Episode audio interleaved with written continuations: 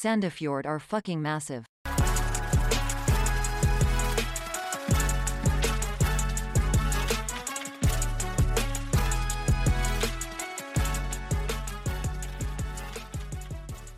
Hei og hjertelig velkommen til episode fem av Blå ball.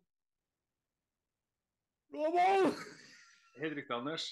Med meg, som alltid, har jeg med meg Anders Hansen. Hallo, Anders. Hansen! Hæ? Anders Hansen! Ja, det er deilig. Det er deilig. Ja, Anders, åssen går det? Nei, eh, altså eh, Det går jo ganske greit. Da har det jo Da har det jo gått en uh, fine 20 dager siden vi Det har jo, spilte det har jo skjedd ting siden forrige innspilling. Det har jo det, Anders. Ja, fy fader. Da... Ja, kan du dra oss gjennom veldig fort hva har skjedd? Det- dette tror jeg begge må være med på. For hvor mange uh, forskjellige anledninger har vi lova? Vi spiller inn den datoen, den datoen. Da. Spørsmål, for nå blir det et innspilling etterpå. Nei, det ble ikke likevel, for nå skjer det et eller annet piss her og der. og uh, hvor, Hvordan skal vi forklare oss selv nå, da? Og, Nei, jeg, jeg veit ikke, men vi, vi kan vel si at siden forrige innspilling så har det vært Det skal ikke le av. Det har vært et jordskjelv i Tyrkia. Det, det er tragisk. Det er men det er jo ikke årsaken til ikke at det har vært innspilling! Nei, det, det sier jeg ikke. Det, nei, nei, årsaken til ikke ikke har innspilling er vel det, det er vel Det går vel Altså, vi hadde jo Vi spilte jo inn en episode sist jeg var forrige helg, da jeg var hjemme. Problemet der var at jeg hadde satt det ganske saft Men du, du eh, bare Før du går inn på det, da må jeg bare si Den innspillinga på søndag forrige uke, det var, det var jo utsetting på utsetting selv da. OK. Nei eh, Ja, OK, Anders. Greit. Valentinsdagen er egentlig der vi burde starte. OK. Det var egentlig eh, da vi skulle ta, og så kom vi på faen, vi har jo begge kjærester, vi. l- l- l- OK, men eh, kan du med at, eh, Anders, kan, kan ikke jeg bare dra deg gjennom min valentinsdag, ja, ja. For og så kan du vi, ta din? vi, vi har bestemt oss for å spille inn liksom en tirsdag. Det Ja. var fine dager. Og så tenkte vi ikke på at nei, da ble det ikke sånn. Da tar jeg på onsdag dagen etter. Ja, vi er jo to loverboys. Det er ikke å legge skjul på det. Eh, Jeg- er det gæren. jeg var jo måtte, for, for min egen del så var jeg, jeg jeg- Jeg ble frelst av en syk kjæreste. Så det endte jo med at denne middagen og alt det der ute Kan jeg bare si at jeg syns valentine er en jævlig fjåsete dag. Jeg skjønner ikke poenget, men samme det. Eh, ikke- Den støtter ja. Men eh, i hvert fall, nei, nei så, så madammen var pjusk, og da måtte jeg heller være her og passe på hun. Ja. Uh, Og da passa det liksom ikke å sitte og gaule med deg. Uh, nei, Nei, nei, nei. Men eh, du, da? Du er jo eh, altså, Er det én ting An- Anders Hansen er kjent for eh, tilbake i tid, så er det en håpløs romantiker. Som gjerne går ekstra, som tar ekstra steget for å gjøre madammen fornøyd. Å, Fortell meg, hvordan, hvordan har valen, valentinsdagen for deg gått? OK, for jeg var sånn Å, å, nei, faen, vi kan jo ikke Ja, vi Jeg må jo Må jo pleie forholdet, da. Ja, Eh, det som følger med historien, er at eh, min samboer kom på Nei, faen, hun skulle jobbe til åtte på kvelden. Ja. Så da ble jo dagen ganske amputert av det. Og jeg har jo fått høre at eh, jeg er litt eh, jeg, jeg kunne vært sterkere da på å gjøre litt sånne hyggelige ting for anledninger. Ja. Eh, men så jeg tenkte sånn faen, skal jeg gjøre, hva skal jeg gjøre ut av det her da, når hun jobber til så sent? Så planen da var at sånn, OK, stikke noen og kjøpe noen roser på vei hjem og det, det typiske greiene der, da. Mm. Så kan du Kunne jeg liksom i hvert fall gitt det to ord liksom, når jeg henter opp jobb, da. Eh, det er også Altså, jeg har ganske mye kvaliteter, eller mangel på kvaliteter. Men hun eh, Nei, nei. Men av en eller annen grunn så syns hun at jeg er ganske flink til å lage burger. Eller til å okay. mekke, mekke sånne gode Sånne Gilly Perfect typisk burgere, da. ja, ja. Så, Og nå er bes- ser jeg. Nå blir. Oi, oi, oi. så ta, planen da var liksom OK, ta med roser, og så pakker jeg inn noe sånn derre eh, Hansen-mekka burger som hun liksom kan få Som jeg tar med liksom i bilturen, da. Kan hun liksom få det i hånda og kose seg med det på vei hjem på kjøreturen. da. Ja, ja. Eh, det var planen. Eh, tror du det funka bra? Jeg mistenker nei. Nei, det funka jævlig dårlig. Det som skjedde, var at uh, alt det hadde jeg kjøpt klart og gjort klart. Mm. Og så var det hjem og lufte bikkje og passe på alt det greiene der. Alltid hjem og lufte bikkja. Alt hjem og lufte bikkja. Ja. Eh, Og så sovna jeg. Nei! Ah. Og så våkner jeg faen meg Jeg våkner jo faen meg Jeg er et kvarter etter være ferdig på jobb, og jeg bare Hei, hvor er du, liksom? Og står jeg ute og fryser? Jeg bare Nei, ja, det, det var ganske sjanseløst, da. Så Jeg gikk fra Norway Anders til Fuckboy Anders på, på et sekund. ja, det, det var en ganske mislykka valentin. Eh, valentinsforsøk. Men uh, det er en tanke som teller. altså. Men uh, hadde du barbert deg fra topp til tå for å gjøre, for å gjøre det godt igjen? Uh, jeg tror ikke basert på dagens eller uh, tilstanden dagen i form at eh, det var sein arbeidsdag og alt det der, at eh, det var eh, noe særlig poeng i det. Så jeg tenkte sånn, nei, nå skal jeg heller bare Ja. Gi henne et hyggelig godt måltid og passe på at uh, hun kan slappe litt av og ikke stresse med så mye. da. Jeg tror ikke okay, utover ja. det jeg skulle ta så mye ansvar. Så du valgte mer en, en hyggelig gest enn enn å måtte stå der og ta rose i munnen og helikopter med tissen, liksom? Det, uh, ja, det, det, ja, ja, det ble med det. ja, greit, greit, greit. Uh, for den anledningen, da. Ja. Ja. Så det Men, men det det, det ene og alene er vel ikke grunnen til at vi har vært så forsinka med innstillinga på den. Men Nei, vi skulle gjerne skyldt på det. Vi skulle gjerne skyldt på at det var fordi jeg sovna på valentinsdagen. jeg hadde bare gjort ting lettere for meg òg. Ja, og så kan vi gå Vi kan spole fram et par eh, Det var jo et par flere utsettelser, men vi kan spole fra fire utsettelser til da, til søndag for, forrige uke. Ja, da, er jeg, da har jeg tatt, tatt meg ferie fra andre jobben jeg har i Tønsberg. Og velger å benytte anledningen å ta med madammen til Sandefjord og sende ut en venninne og spille Pål med Anders. Yes. Eh, problemet da var jo det at jeg hadde vært litt vel heldig på eh, ja, nå skal jeg ikke reklamere for noe, men på, et, eh, på en bettingside og, og hadde vunnet liksom ja, tre og et halvt for uh, slik og ingenting uh, tidligere på dagen. Og hadde satt disse tre og et halvt på blant annet da, to, altså over 1,5 mål til Union Berlin mot Ajax. Ja, det ble 0-0. Uh, men i hvert fall, den kampen begynte idet vi skulle spille inn på den. Vi skulle jo spille samtidig som Sandefjord-Rosenborg.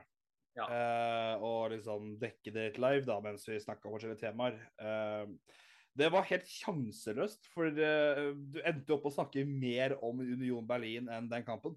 Ja, det Ja. Og noe som skulle vise seg å være jævlig dumt, da. Ikke å prate om Union Berlin, men, men, men, men, bare- men, men egentlig bare det å gi de oppmerksomhet. Fordi de kunne plutselig ikke spille fotball, de. Og i hvert fall ikke skåre mål. Så ja, Nei, men nå, nå, nå kjenner jeg at jeg, nå, nå blir jeg så sint, så, så vi bare spoler videre. Nei, vi, vi, bare, vi, det var masse fram og tilbake, og så var det litt avbrytelser. Paul måtte på dass fire-fem ganger i løpet av episoden som vanlig. Og så delte vi mikrofon og utfordringene det byr på. Apropos mikk. Ja, ja, faen, det var Paul. eh, observante lytter kan vel høre at jeg eh, fortsatt ikke har eh, fått på plass denne mikrofonen. Og det er en jævlig god grunn til, skal jeg si dere. Jeg Det var jordskjelv i Tyrkia. Det var jordskjelv i Tyrkia. Ja. Nei, jeg kan ikke tulle med det, Anders. Det er ikke lov. Nei, nei, det var egentlig litt stygt av meg. Beklager for det. Men, men i hvert fall eh, Jeg har nemlig klart å få En ting er at jeg punkterte bilen min på vei fra Stavanger til Nei, på vei fra Sandefjord til Stavanger. Punkterte jeg i Kristiansand. Det er jo, skjedde jo for lenge siden, eh, på nyåret. Men eh, da tok jeg det punkterte dekket og la det bak i bilen, og visste ikke helt hvor jeg skulle ha det igjen. Fordi her jeg bor i Stavanger, så er det begrensa med oppbevaringsplass, oppbevaringsplass og lagring. Vi har ikke noen garasje, akkurat. Eh, Madammen og jeg vi, vi bor i en enebolig som hun har kjøpt, og, og da må jeg bare Ja, da må jeg bare følge Plassere ting der jeg har lov å Ja. Da måtte jeg- I know my rights. Eh, så det dekket det ble i bilen. Og det skal sies at det var et, en- det, når jeg punkterte, så var det ganske vått ute. Det var slafs og snø og ja, drit. Summa summarum så eh, eh, kom jeg fram, og bilen ble stående fordi jeg må jo få med ordna nye dekk. Ordne nye dekk, smoothsailing. Starte bilen, det er mørkt ute, så ser ikke så veldig åssen det er inni bilen, men skal starte den. og Kan jeg bare avbryte deg med en jævla gang? Ja. Du, i, i løpet av åra så blir du bare mer og mer og mer lik eh, Al Harper. Alan Harper. Anders, må du, nå, nå må du være grei. Det er helt sjukt! Alan Harper er? Google to sek. Two and a half men. Nei, faen. Lillebror til Charlie. Nei, no, no, no, no. Liksom måtte beskrive livet på ja, Jeg bor hos dama, hun har jo kjøpt eget hus, derfor jeg bare inn der. og Ja, jo går til helvete. og- Ja, i hvert fall, da. Over til denne bilen. Uh, fordi jeg, jeg, jeg føler at jeg, jeg, jeg skylder de lytterne vi har, unnskyldning på, på dårlig lydkvalitet. Uh, I hvert fall da, så må jeg få start på bilen, og batteriet er flatt. Og jeg må få naboen til å fikse startkabler. Eller jeg fikser startkabler, men naboen må fikse bilen. Og så får vi starta den. Ble, og så tro så har jeg en, en annen nabo som jeg har leid parkeringsplass av, da. Som verken har bil, lappen eller besøk. Eh, og plutselig så kan ikke jeg ha bilen min stående der. Ja, Så det ender med at jeg må kjøre den bort av gårde. Og det jeg ser når jeg parkerer inni det, dette parkeringshuset jeg låner plass hos, hos svigers, det er faen meg at bilen er full av mugg. Fra, fra topp til Altså, er så mye mugg. Kort, Og- opps kort oppsummering, Paul. Ja, jeg har ikke hatt Du har, hatt, du har hatt andre bekymringer enn Mikk akkurat nå. Eh, ja. Det Ja. gjorde at jeg fikk henta den mikrofonen da, i Sandnes. Ja. Eh, nei, ja. Det, er, for- kunne, kunne gjort det mye enklere enn det jeg gjorde, men eh, Jeg tror jeg, vi bare må slutte å love ting. Ja. Nei, men en, en mikrofon kommer. Uh, men enn så lenge Nei, så lover du ting med en gang! ja men, ja, men det er jo fordi det er sant. Det er, jeg har jo mikro, Mikrofon har jeg. Jeg har den ikke her, bare. Ja, ja. Ja. Al Harper skulle flytte ut da etter en helg eh, i sesong én, han nå. Ja, det er sant, det. er sant det. Det ble vel eh, titalls Det ble jo tosifra antall sesonger, så Skal vi kanskje begynne på programmet? Ja, Anders, du har jo vært på dugnad, du. På Release Arena. Jeg har vært på dugnad. Ja, og det er veldig typisk deg, Anders. Du er en fyr som stiller opp. Det er uh, sannheter med modifikasjoner, men i dette Ja, tilfellet så var det absolutt uh, en hyggelig ting å gjøre. Ja, men, men, men jeg må bare, for å unnskylde meg selv her, så jeg kunne ikke delta på dugnaden, for da hadde jeg fort blitt singel. Jeg, jeg kan ikke ta med meg dama til Sandefjord og være der to dager, og, og da være på dugnad på lørdagen og podinnspilling på søndagen. Det hadde ikke gjort. Det må du i så fall eventuelt komme til freds med deg selv med. Det, det, skal ikke jeg si verken eller. Du kan jo, du kan jo ta, fortelle litt om dugnaden. Hva har skjedd på Release Arena nå? Eh, det som har skjedd, er at vi rett og slett eh, har tatt eh, og fjerna setene fra den nye blå sone. Og Ja Skrudd og, skrudd og fjerna. Eh, det var en- Du er jo en handyman. Det er Ja. jo Ja. Så jeg tok eh, turen 20 minutter for seint som alltid, fordi vi passa en ekstra bikkje den helga. Ja, ikke sant? Eh, og da måtte jeg plutselig Det krevde plutselig litt mer, da. Men jeg kom iallfall fram til slutt, og blir delt ut eh, litt verktøy, og jeg bare Hva gjør jeg med det? Jeg er bare sånn Er det så jævla god idé, da? Jeg, sånn, jeg, kan, jeg kan bære vekk seten, eller jeg kan gjøre andre ting, men er, er det god delegering av oppgaver å gi, begynne å gi meg de verktøya? Det gikk jo selvfølgelig helt terningkast to. ja. Jeg fikk en del kommentarer og bare sånn på hvor sjanseløs jeg var på å prøve å skru av de setene. Du vant ikke noe sånn street cred på det. Nei, nei. Og jeg, fikk jo noen kommentarer på at uh, Altså, Anders, uh, er du sikker på at ikke jeg skal ta og vise deg at du gjør det? Jeg bare sånn Eller, eller har du lyst til å prøve en siste gang? Og jeg måtte bare strekke hånda i været og si at eh, jeg har, stoltheten min er ikke større enn at jeg bare må si at jeg trenger hjelp. Jeg, at jeg får dårlig rykte på at jeg ikke er her i det hele tatt, det får bare være. Jeg, det er ikke stoltheten min verdt, for å si det rett ut. Men det var en veldig fin anledning. Fikk uh, møtt eh, gutta igjen og vært med de et par timer og gjort noe hyggelig lag sammen som kommer til å bli et ganske fint resultat. Mm. Delte jo åssen det så ut uh, på Twitteren vår. Ja. Og det var jo Fikk jo noen kommentarer fra folk utenfra om at det er kult. Da skjer det ting i Sandefjord òg. Det er gøy. Det var vel egentlig kort oppsummert, det. Ja, det I hvert fall legge til kudos til klubben som eh, har gitt oss eh, grønt lys for alt dette. Jeg syns det er veldig gøy og at de er Det virker som at det er ganske bra holdning eh, klubben har til supporterne nå. Det er Og veldig jeg, mye riktig steg skjer der. jeg, jeg, jeg veit ikke om dette har noe etter SF Awards-episoden vi hadde. Men jeg, jeg, jeg føler Det er sikkert tilfeldig, men etter, det, etter episoden så har jeg Sandefjord har tatt seg sammen. Det, Eh, jeg kan si så mye som at de har ingenting ved episoden om SF Awards å gjøre. nei, da. Men la meg ha høye tanker, Anders. Vær så snill. Ja, det jeg kan si som konsekvens av SFO Awards-episoden, er at det kanskje har gjort meg veldig mye smartere siden da på hva som skjer innad i klubben, som jeg nok ikke hadde fått vite og ikke hadde fått innblikk i dersom vi, jeg ikke var så kritisk som det jeg var. For du ble invitert på pils, du. Ja, vi, ja, vi arrangerer ehm, Vi arrangerer noe greier da, som skjer 31. mars. Holde av datoen. Ja, Klubben Eh. Anders Hansen, klubben Anders Hansen med flere. Eh, ja. Eh, og da fikk jeg ganske mye Du må svare, da. Hvem, hvem arrangerer hva?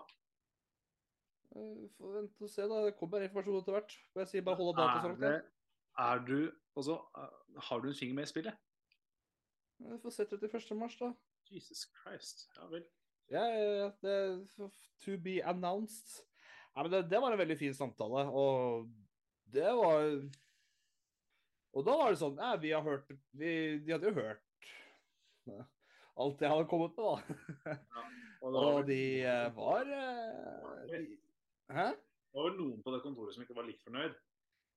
Uh, ja, det var det helt sikkert. Men uh, jeg tror liksom det generelle inntrykket var hovedsakelig at det, Men i det minste så ble det god snakkis av det. Og vi syns det er fint at det skaper bare blest om klubben og alt det der. Så prøvde jeg å forklare liksom vårt syn på det alt det der. Og de var veldig på det at eh, ja, jeg skjønner veldig godt, men bare vit at det alltid er døde åpne. Og vi skal alltid være åpne klubben og alt det der. Det skal aldri være et problem. Vil, hvis vi har lyst til å ha spillere på intervjuer og sånt i podkasten, så er det bare å si ifra det. Og de var veldig velkomne og åpne på det.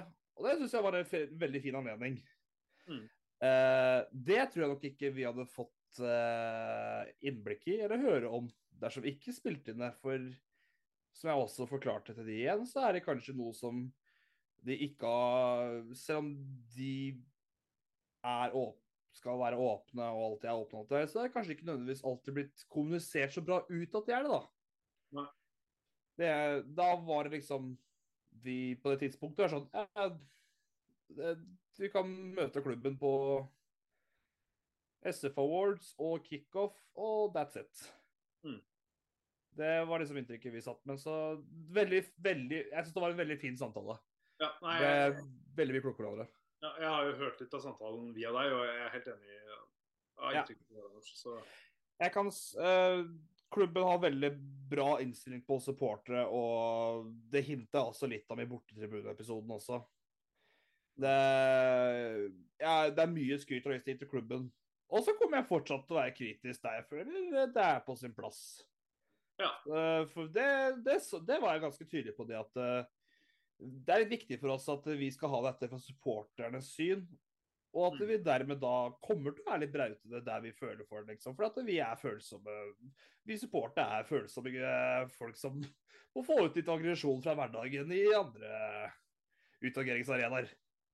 Det nye slagordet. Vi, vi, vi supportere, vi er følsomme. Ja, vi er følsomme! ja, men sånn er det bare. Ja. Men ja, det, det forsto de. Eh, forresten, apropos bortetribuneepisoden. Ja. Hørte du siste episode av Kald kaffe? Nei. Nei. Eh, for de hadde snakka om episoden vår. Hei! Eh, jeg har jo snakka litt eh, med André Øyvåg og fortalt ham veldig mye positivt om at klubb, klubben har veldig, tar en veldig ny og fin retning i forhold til det med supportere. Og at eh, om ikke de allerede alltid har gjort det, men ikke kommunisert for, da det kan ikke jeg nødvendigvis svare for, men at det skjer mye bra, da. Mm. Og at det, det er en veldig positiv utvikling. Eh, hadde, hadde fått det med seg, fått veldig overtenning, snakka om bortetribuneepisoden vår, Ja. og dratt det så langt at han kommuniserte utad at uh, fra neste sesong så skal uh, ingen supporter være busskuret. Det blir endring neste år. Ja. Han skal, det hans forsvar, han sa vel så vidt han hadde skjønt det. Men uh, jeg, har, jeg, jeg har forklart det i ettertid. Men tilfellet skulle være noen som uh, hadde hørt dem og ikke huska nødvendigvis hva vi sa for episode, da, så har jeg i hvert fall presisert det nå. At det er ikke tilfellet, men det er i hvert fall klubben, pos klubben er positive til at det skal skje. Selvfølgelig så Molde skal i busskure, det er det ikke noen tvil om. Ja, men det skal de, for det er Sandar-cupdagen. Å ja. ja. Hva for god planlegging. Det er jævlig god planlegging, jeg hyller det. Ja. Men eh, resten av Support-Norge de har en kamp med TV 2 de må ta opp. For at de ikke skal eide opp i busskuret. ja, for det er jo stort. Det er TV 2 som eh, faktisk har fått TV 2 vil at de skal synes på bildet. Ja. Jeg tror ikke vi skal snakke mer om forrige episode. Jeg, vi var ganske, jeg, jeg syns forrige episoden var ganske bra. Vi forklarer egentlig ganske fint, føler jeg. Ja. Og hva, hvorfor og hvordan, egentlig. Så jo, vi kan Du har vel kanskje en kjøre på vi skal gå videre på? Ja, det har jo Sandefjord spilt tre treningskamper siden sist. Yes. Eh, eh, hvorav den ene ble spilt da vi hadde forrige innspilling av episoden, som ikke ble noe av. Ja, så betting. Eh, men skal vi begynne med Ålesund, eller? ja, ja, hvorfor ikke? Ja. Hva tenker vi om gutta så langt, da? Eh, hvilke inntrykk har du? Uh, av gutta eller det Ålesundkampen. Ålesund-kampen. Altså gutta på Ålesund-kampen. Ja, altså Det var en veldig eh, solid og fin kamp. Uh, Sandefjord spilte uh, fin fotball. Uh, kom ikke til så veldig mye sjanser nødvendigvis. Første gang var veldig kjedelig, for å si det rett ut. Eh, men skjedde et par fine kombinasjonsspill. Andre gang mye av det samme, men da fikk man klemt inn en par sjanser ved par anledninger. Eh, første målet Gud Tveter hadde et helt enorm gjennombruddspasning til uh, Al-Sayed, som kommer fra sida og plasserer den. Mm. Eh, så hadde Markmannrud dessverre et par hodemister. og av de følte, følte, følte til eh, 2-1-målet. Ja. Nei, 1-1-målet.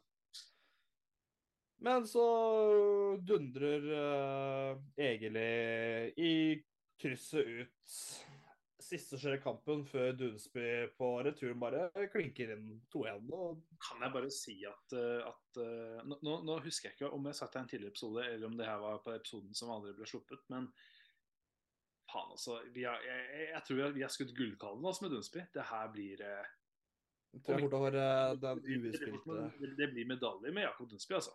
Det er bare Det er det ingen som eh, lurer på, for å si det sånn. Nei, det Han eh, ha, Altså, vi trenger ikke off-kill, vi. Gratulerer, Vålerenga. Dere har fått en, uh, fått en uttaler spiller. Vi har Jakob Dunsby. Ja, og sånn situasjonen er i Vålerenga nå, så trenger de hver ving de kan få. Ja. Det er rart åssen det der har snudd. Ja, de har Jakob Dikko Eng, han og et par andre, de eh, Det ordner seg nok uh, sikkert fordi de kommer nok til å bli såpass desperate at da, da fant de plutselig fra noen millioner som uh, Joakim Jønsen tidligere uttalte at de aldri hadde. ja. ja. Nei, og, og, så neste kampen er jo Rosenborg, da. På Marbella. Eller, ja, den fulgte jo du ganske tett. Du, jeg fulgte med, altså. Så lenge ikke Union var angrep, så så jeg på Rosenborg Sandefjord, ja, altså. Sorry, jeg bare syns det var ja. men, men, men, altså, det jeg sitter igjen på, både etter å ha sett kampen selv, men, men også sett litt sånn uh, highlights på Twitter og sånn, er jo at Sandefjord var jo på full høyde med Rosenborg hele veien der. Ja, ja. Og til tider så var de bedre også. Problemet er vel det at vi putta ikke nok mål. Mm -hmm. altså, mhm. det er jo veldig enkel matematikk i fotballkamper. Det er jo Skårer du mest, så vinner du. Ja. Uh, når det kommer til Og det har jo vært spilt en kamp Skal vi kanskje bare liksom dra Rosenborg og, og Molde-kampen under samme paraply? For, ja, ja vi, vi, vi, kan gjøre det. Vi kan gjøre det. For vi, jeg så jo ikke den kampen. Uh, det var av to forskjellige grunner. Del én var at uh, den gikk jo delvis mens jeg jobba. Ja. Og andre gang gikk mens jeg kjører bil. Og da Jeg pleier ikke å se så mye fotball mens jeg kjører. Nei, det er jo litt bra, egentlig. Ja, jeg tenker liksom det kanskje er greit å skille de to tinga. Mm. Eh, det jeg typisk gjør da, er at jeg gjerne hører på kampen mens jeg jobber og kjører bil. Ja. Men eh, jeg følte liksom TV 2, eh, Direktesport og uh, VG er kanskje litt meget å betale for alle tre for å se treningskamper, da. Så ja. nå skal det sies at uh, nå har fortsatt ikke mamma fiksa meg direktesport. Faen, mamma. Mamma. mamma. Ja. Uh, men uh, jeg tok Ja, det var jo så greit at det da dro jeg bare så kampen selv. Utenom ja. koffa. Mm. Men det inntrykket jeg har fått da, av de Molde-kampene, eller Molde-kampen og Rosenborg-kampen Eller Rosenborg så vi, da. Ja. Men Molde-kamp som ikke jeg så, var at det, her var det ganske mye av det samme som skjedde med Rosenborg. At det var veldig mye bra spill, med at Molde til syvende og sist var uh, mest effektive på sjansene sine. Ja, de har jo Brynildsen, de Eikrem, og de, ja, de er giftige framover der, så de trenger ikke Grødem, Kitolano Ja, faen, eller Berisha. Haugen og Linnes for den saks skyld. Ja, Berisha, ja, Berisha er jo ferdig. Det visste Martis i Fuentes veldig godt når han uh, kjørte liten poker på de. Ja. Skal penga, han. han uh, tok penga. Ja, lurt. Ja. Nei, men uh, For å snakke om treningskampsrell, så er vel konklusjonen ganske grei, det at Sandefjord har øvd på en god del ting i vinter. Og brukt treningskampene for å se om det funker i praksis. Og vi kan vel ganske sterk grad konkludere med at det ser så langt ut som at uh, det gjør. Jeg vil tørre å si at Jeg håper, jeg håper ikke jeg sier noe bit meg i ræva når, sesongen begynner, da, men jeg, jeg, vil tørre å si at Sandefjord ligger i, er, er, mer i rute enn hva jeg hadde håpet på. De, ja, det tror jeg de fleste er ganske enig i. Ja. Um, så er det jo litt sånn at uh, OK, vi tapte mot Molde og Rosenborg og for så vidt Lillestrøm. Mm. Men uh, Og det som var uh, litt sånn tilsvarende i alle kampene, var liksom at ja, de satt sjansene sine, vi var litt dårlige på settet vårt. Ja. Det er jo litt sånn gjennomgående tema når, man møter, når topp og bunn møter hverandre. Ja, er, så kan bunnlaga spille veldig bra, men så sitter ikke nødvendigvis sjansene like effektivt. Nei. Men så er det jo viktig for oss å minne oss selv på at eh, det er jo ikke alle kampene i år vi skal møte som er de motstanderne, da. Nei, det er sant. Som, jeg må jo si at jeg syns egentlig det ser ganske greit ut. Ja. Noe jeg ikke hadde veldig sterk troa på i desember, for å være helt ærlig. Nei, det så jo ikke lyst ut. Nei. Når uh, det skal Når det skal sies Eller nå skal det sies at jeg fortsatt rangerer oss per nå i en Kall det power ranking. Mm. så ville jeg kanskje satt oss i eh, kategori bunn tre fortsatt.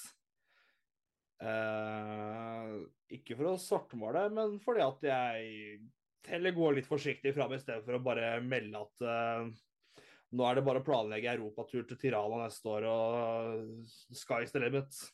Ja. Mens jeg, Anders, jeg har jo pusta en såpass mye sopp fra bilen i stad, så når jeg vaska det. Eh, Så jeg sier her og nå Sandefjord. Litt av seriegull. Et sted mellom 12. og 9. plass er jeg sikker på vi kommer til å havne. Ja, da Da syns jeg du skal slenge noen bonger etter hvert på sesongspill i så fall. Slenge noen bonger etter hvert. Jeg tror ikke jeg har gjort det for lenge siden. Det tror jeg ikke, med tanke på at de sesongspillene ikke har kommet ennå, utenom hvem som vinner. Uh, ja, men det er akkurat det jeg har gjort. Ja, men du kan ikke Du sier 8. til Nei, 9. til 12. Ja, men eh, jeg setter jo selvfølgelig hundrelapp på Sandefjord. eh, Altså, det gjør hvert eneste år, det. Ah, OK. Ok, ja. Nok om det. Yes, programleder. All right.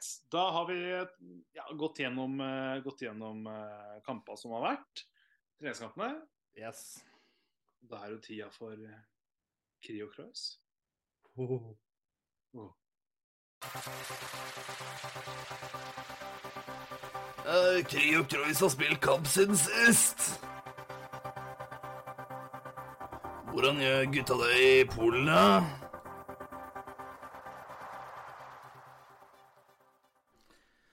Vi har da fått følgende rapport fra polske Kanaris. Widzewlods, som er laget til våre gutter, tok imot Slask Wroclaw den 17. februar 2023 til et forrykende match. Det gikk stille for seg fram til det 69. minutt, der Widzewlod sin store sønn, Kristoffer Nordmann Hansen, kommer inn. Og det, det historien ender med at han skårer 1-0, og da seiersmålet på overtid. Kreuzrigler var hele kampen på benken. Før kampen så hadde Widze-fansen klart å stjele flagget til Slask Wroclaw. Når Slask-fansen eh, fikk greie på dette, så ble det litt panikk, og de eh, stormet eh, over portene i forsøk å få tilbake flagget.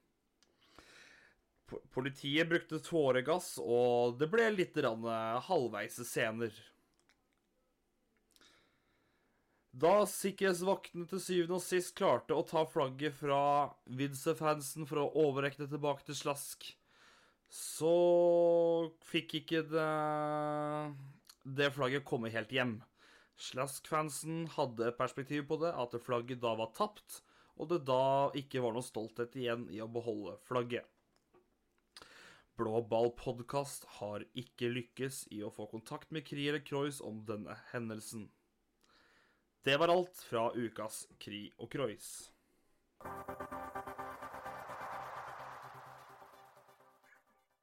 Ja, William Krutovic, du har valgt å dra til Hamar. Hvorfor i helvete gjorde du det? Nei da. Ja, Krutovic Det er vel det egentlig alle melder? ja, Det er jo det. Men jeg, jeg, jeg, helt ærlig, så jeg, jeg kan se det litt. Jeg hadde også vært ganske lei. altså, det er ikke det at jeg, altså, Hadde jeg vært Sandefjord og hatt muligheten selvfølgelig, Jeg hadde vært der livet ut, det er ikke det. Men jeg, jeg, skjønner jo når du er Han, han blir 27 i år. Stemmer. Det er på tide Skal du prøve noe nytt, så må du gjøre det nå. Hvis ikke så blir det ned i PostNord etter Sandefjord når du er 32. Eh, ja, at det går etter Post Nord er ikke nødvendigvis jeg med på, men eh, at eh, man blir litt stuck, det skjønner jeg Ja, så, er eh, et argument for at han vil prøve Fordi, noe annet. altså, for mange så vil jo en soon to be 27-åring være en ung fyr. Men i fotballverdenen så er ikke det tilfellet. Da begynner man å nærme seg peaken, og, og, og man ikke er forbi. Ja, det som i hvert fall eh, skjer på den alderen, er at du mister videresalgspotensialet. Ja.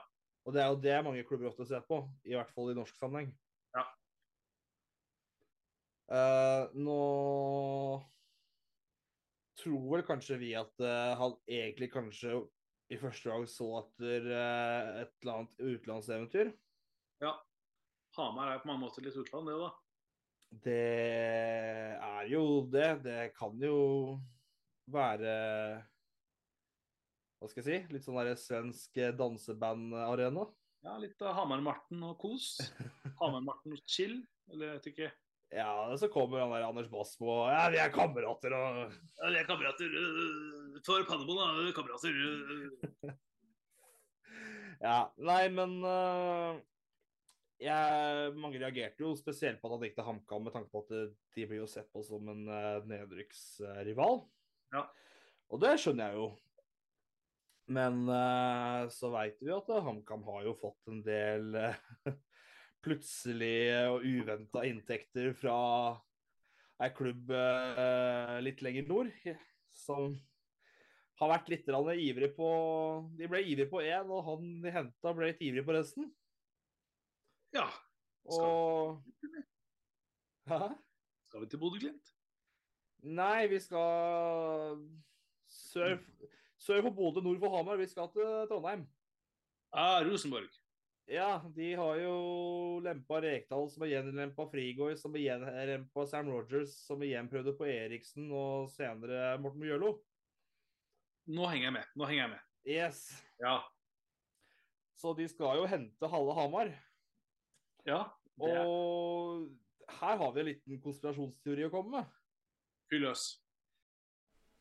Uh, pip, pip. Kanskje han vil til Rosenborg eller noe. Vi, jeg vet ikke. Vi baserer oss på ingenting. Og kanskje han vil, vil uh, ta seg en liten uh, rødcola med Koteng og stikke på Circus Shopping. Vi vet ikke. Pip, pip. Og da er det jo kanskje lett å tenke seg til hvorfor han dro til HamKam, da. For det er jo veldig fort en liten ekspressbillett rett til hjerte til Rekdal.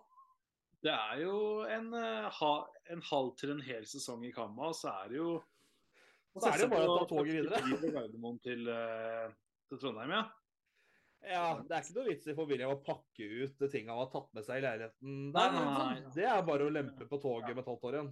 Det er vel egentlig bare å få fram Det eneste han trenger nå, er vel egentlig bare PC-en sin og kanskje en TV og PlayStation. Ja. ja.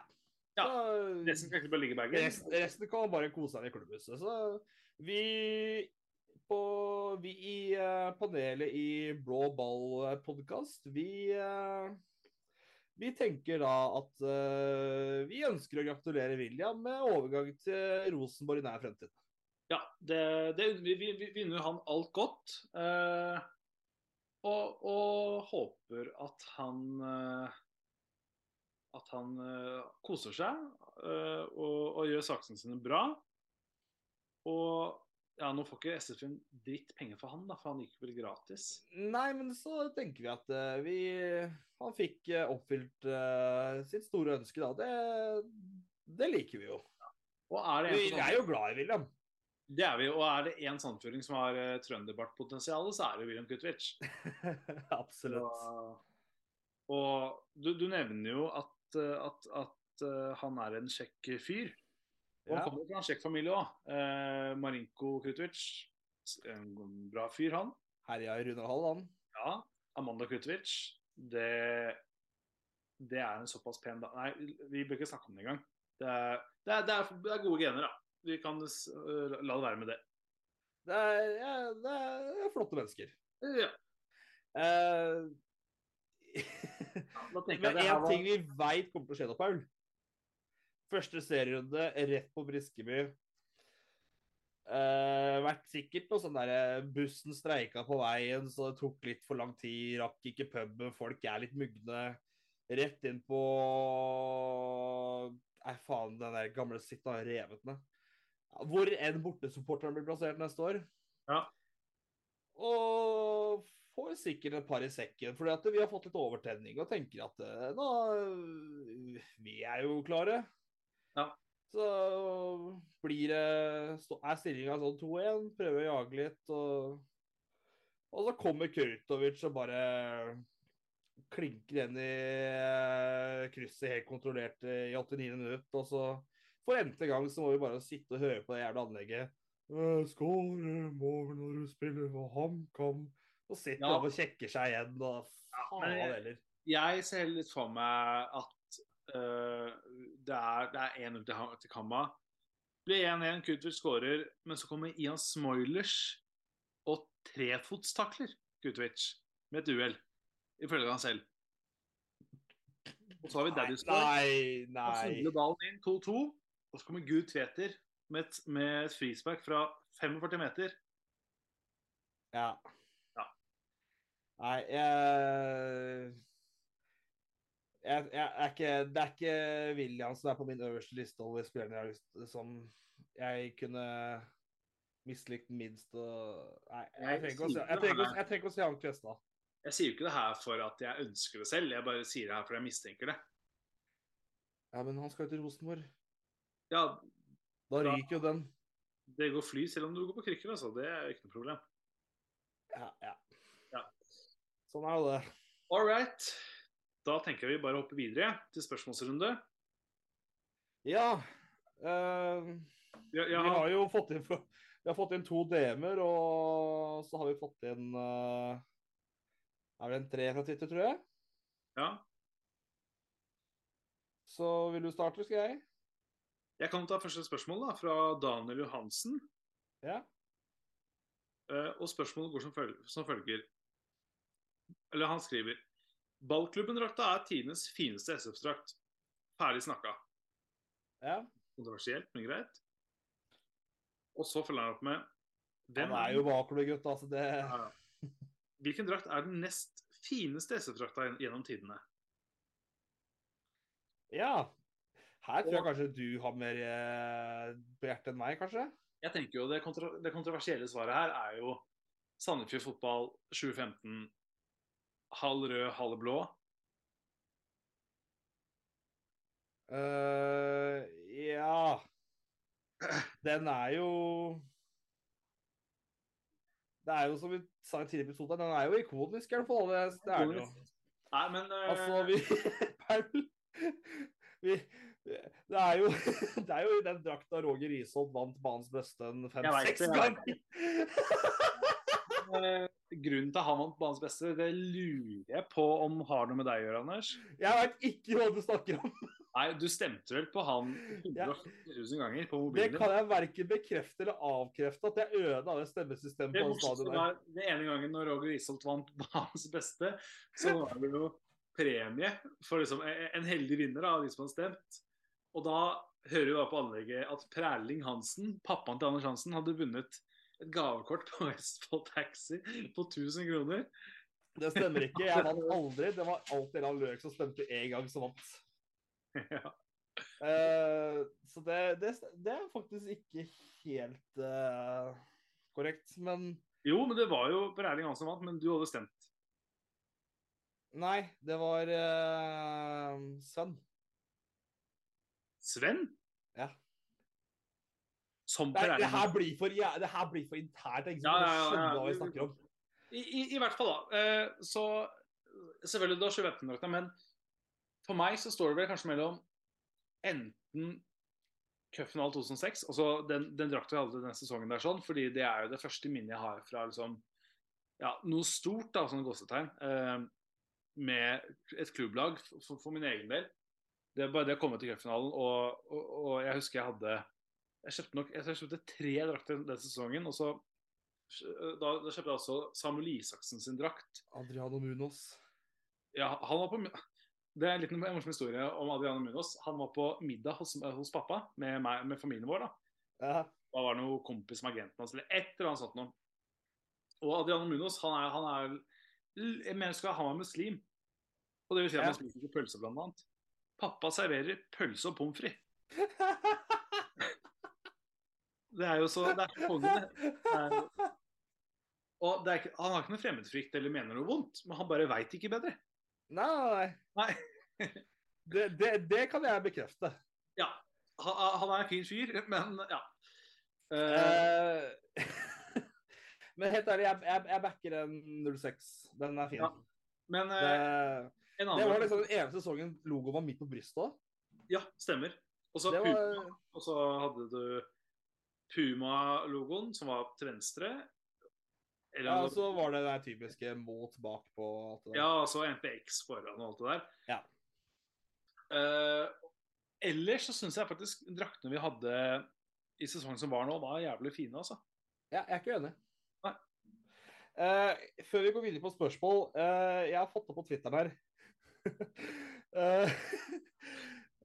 For Kald Kaffe skal i episoden nå. Eh, og de har stilt ut eh, Og de ønska spørsmål på Twitteren sin. Eh, og Twitter, Twitteren deres er så følgende Her må du bare gå rett inn og søke opp med en gang. Jerv og Sandefjord-supporter at Alltid Ullsokker er klar for ny sesong med norsk fotball. Hæ? ja. Så fyr inn noen spørsmål der, folkens. Eh, ja, han var jo med oss eh, til Kongsvinger. Jeg, Jeg inviterte, jeg inviterte han med på kampen mot Kongsvinger, så fikk finta han på en SF-skjerf som eh, og, og en bluss i hånda. Og, og tok noen bilder og sånt.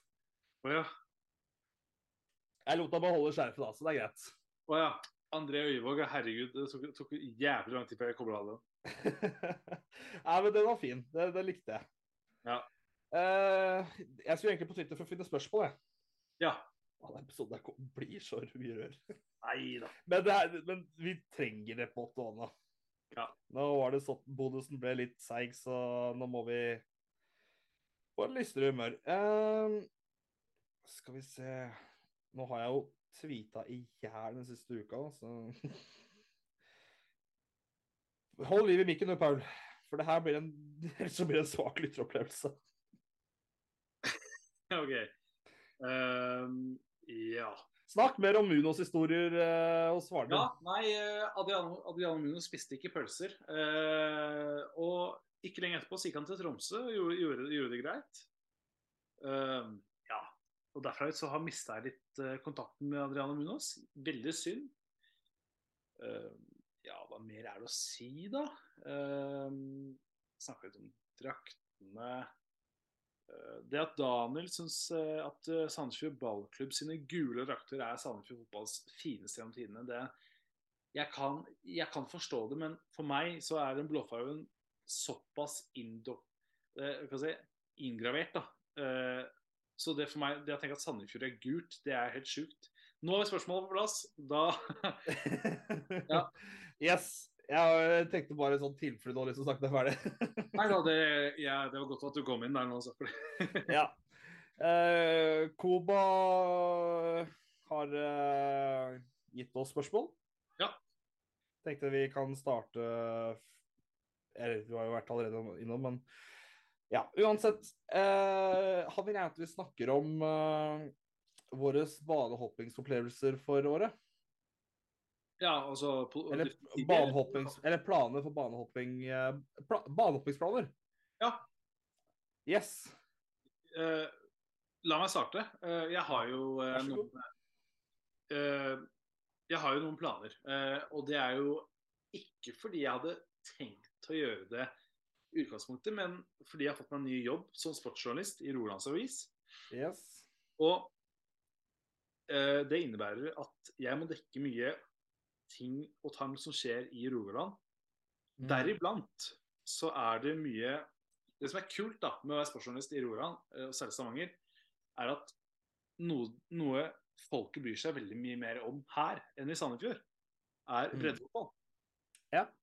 Det er bl.a. Brodd og klubber som Stål Jørpeland og sånn, som drar mye supportere på kampa. Nå er Stål Jørpeland litt høyere opp, da, men øh, Ja, de, de har jo å, det De har deilig utsikt fra stadionet deres. ass. ja, stemmer. Ja, den er ikke dum, den, altså. Nei, den er fin. Så jeg har jo planer om å dekke Altså øh, være på det som er av, av lokale klubber og, og baner i, i Stavanger-Sandnes-region. Ja. Eh, Jeg har jo allerede vært på både Randavær, Mastra og Rennesøy. Du må laste den der footballer-jappen, Paul, hvis ikke du har gjort det allerede. Du må bare registrere masse baner, du. Ja, ja. Det, jeg, jeg tror jeg må gjøre det. Ja, jeg, jeg tenkte i fjor at når, ble, når Søren prøvde å få meg med på greiene, jeg bare sånn eh, det kommer jeg aldri til å gidde. Det her, jeg, det her blir dust. Ja, ja. Eh, og nå har jeg blitt avhengig, så nå har jeg blitt sugd inn i det. Så nå får jeg prøve å dra deg med i det suget. Ja, eh, men, men eh, noen andre klubber jeg også, eller eh, områder jeg også har lyst til- å utforske litt, er jeg, har, jeg har store planer om å komme meg til både Færøyene og Island i år. Og det Færøyene har jeg spesielt har jeg sett eh, litt på. Det, det, det ser helt nydelig ut. Det er liksom Altså, alt er Alle stadioner og baner er innenfor en time omkrets, og alle har purdeilige omgivelser. Mm. Så det, det har vært kult. Det kunne jeg faktisk vurdert å blitt med på selv. Ja, det er bare å slenge seg på. Jeg har jo ikke bestemt noe dato ennå, eller noe tid. Nei. Så, ja, så, så, så det er måte de planene jeg har lagt så langt. Og så er det selvfølgelig Away Days da, med Sandefjord. Eh, og det er jo mest naturlig for meg med tanke på jobb også nå, å kanskje dra på Away Days som er eh, sør, vest og kanskje typ ja, Bergen, Trondheim, Oslo. Ja. Eh, Så får jeg se da og, om, jeg gidder å ta meg råd til å dra, dra, dra til Bodø og sånn. Men uh, Ja, det Jeg skal ikke passe meg, for å si det sånn. Nei. kaldt er det, dyrt er det. Jeg kan si så mye som at det er i 25. serierunde. Satan, det er lenge til. Det er i oktober. Uh, vet hva som skjer samtidig, som jeg er mye heller oppfordrer deg til å dra på. Ja, Hvis du skal dra fram 2. oktober nå, så er det bursdagen min. Eh, jeg tror ikke det er da. Jeg tror vi snakker eh, rundt 20 Jeg husker ikke. Det var i hvert fall seint på måneden, tror jeg. Ok, ok, ja, da, da, da. Men samme dato, Paul. Da er det flyet, land på Gardermoen, for der er det derby på Åråsen. Vålerenga-Lillestrøm. Yes. Eller Lillestrøm Vålerenga, da. Jeg tror jeg heller hadde prioritert den Aspmyra i 25. serie hos Bodø-Glimt. Ja, Går kampene samtidig, eller? Eller det, kan, det er nok hovedkampen, men det går samme dag. Jeg tror ikke akkurat du rekker Ja, det, er, det er jo litt viktig for meg å kunne i se SF slå Bodø-Glimt. Det, det, jeg vil tro du rekker å se på telefonen akkurat før kampstart. Ja, men det er nice. Yes. Uh, ja, noe mer vi putter putte inn på Nei, det, det er jo Island og Færøyene og ja, stå, altså, Nå har jeg vært på mye eliteserie... Nå har jeg vært på stort sett nesten alle elitese- eliteserietribunene utenom eh, utenom Brann og Tromsø-Bodø. Eh, og så har jeg har jo vært på Sandnes Ulf, jeg har vært på Viking, men jeg har aldri vært på kamp, kamp da mot Sandefjord. Har du vært på Haugesund? Nei, jeg har heller ikke vært på Haugesund. Ja. Ålesund? Ja. Du har vært der, ja? Ja. Ja. Så det er flott, da. Ja, da, da har du vært på det stadionet, ja, tror jeg. Men Anders, det er ikke noe så skryte av det, herregud. Jeg tror, kanskje, jeg, tror, jeg tror kanskje jeg tar deg igjen når det kommer til bredde og utlandet, men i, hvert fall i Eliteserien så har du med. Ja. Uh, og Post Nordås Nei, Obos også sikkert. Men jo åh, Aldri glemt Tødden Away. Åh, to Away. way. Åh. oh, fy faen, den burgeren vi spiste. Åh. Ja, noe litt trist å nevne om Not- Notodden er at de spiller ikke på stadion eh, vi var på neste år. I, den ble for dyr, og kommunen uh, har slått seg i der. de rykke ned, de. Nei, de overlevde akkurat de siste serierunde, på bekostning av Odd 2. Ja. Men uh, de skal spille på banen til Snøgg isteden. snøgg. Ja, så de uh, Jeg tror iallfall var Snøgg som var klubben. Ja, Iallfall breddeklubben deres, da. Så de Vi har fått Kristian stadion eh, som jeg bare fikk leve noen år. Ja. Så, sånn er det. Jeg skal eh, fra min side Jeg skal jo på alle hjemmekamp, naturligvis. Ja. Eh, så skal jeg på alle kampene på Østlandet. Det er planen. Mm. Med Sandefjord, naturlig nok. Eh, jeg skal til I hvert fall til Trondheim i eh, tredje serierunde. Da kan det fort hende jeg stikker en tur innom eh, Jeg tror planen kanskje var Strindhjem. Mm. Vi har vært, jeg har vært på Nardo jeg har vært på Byåsen, det er, men Strindheim har jeg først ikke vært på. Og Kolstad har jeg vært på for, for øvrig. Å ære være Kolstad Ja. Nei, det er skikkelig eh, ræva med fin sang. Mm. Eh, men så har jeg også tenkt å lure meg med på Fuglaekspressen på et par turer, Ja. som ikke krasjer med Sandefjord. I hvert fall hjemmekamper. Ja. Eh, de jeg veit jeg skal på, det er eh, Stavanger i andre serierunde. For det er lørdagskamp, mens vi har søndag mot Tromsø hjemme. Ja. Så var også planen å bli med dem på togturen eh, i mai til HamKam. Mm.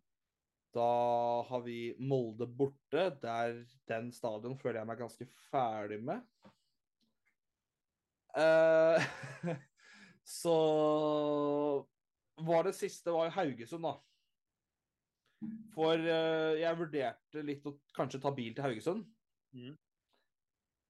Og For det blir jo ikke noe buss herfra dit. Det er bare å slå seg dødt. Ja. Men uh, vi uh... Nei, men jeg uh, tenkte til å ta bil, da. Mm. Og kanskje besøke dere og ta hyggelig anledning ut av det, da. Men så tenker jeg, skal vi kanskje nedprioritere Paul litt? Ja vel? Ja, fordi jeg har jo vært på alle kampene jeg har, De jeg mangler, er jo hele Vestlandet generelt, minus Ja. Molde. Viking får naturligvis kryssa nå. Mm. Men jeg har heller ikke vært på Brann på Brann stadion. Jeg har vært i Bergen tre ganger, men jeg har aldri vært på Brann stadion. Så for samme runde som vi møtte Haugesund, så skal Lillestrøm på en av årets største høydepunkter for neste år. Mhm. Eller denne sesongen. Det blir bussturen til Bergen. Ja. Så jeg vurderer litt å heller bare stikke inn på den i stedet for å betale basically halve prisen på transport og dritt, og faktisk reise med folk på å se en fet match. Ja. Og så er det jo også litt for å jeg, altså Én ting er jo at jeg har noen hyggelige kompiser her som det, Og ja, veldig velkommen miljø, men en annen ting er jo noe med det å lære litt av hva som funker for dems del, som kanskje vi kan lære litt av eh, supporter- og kulturmessig i egen krets, da. Ja.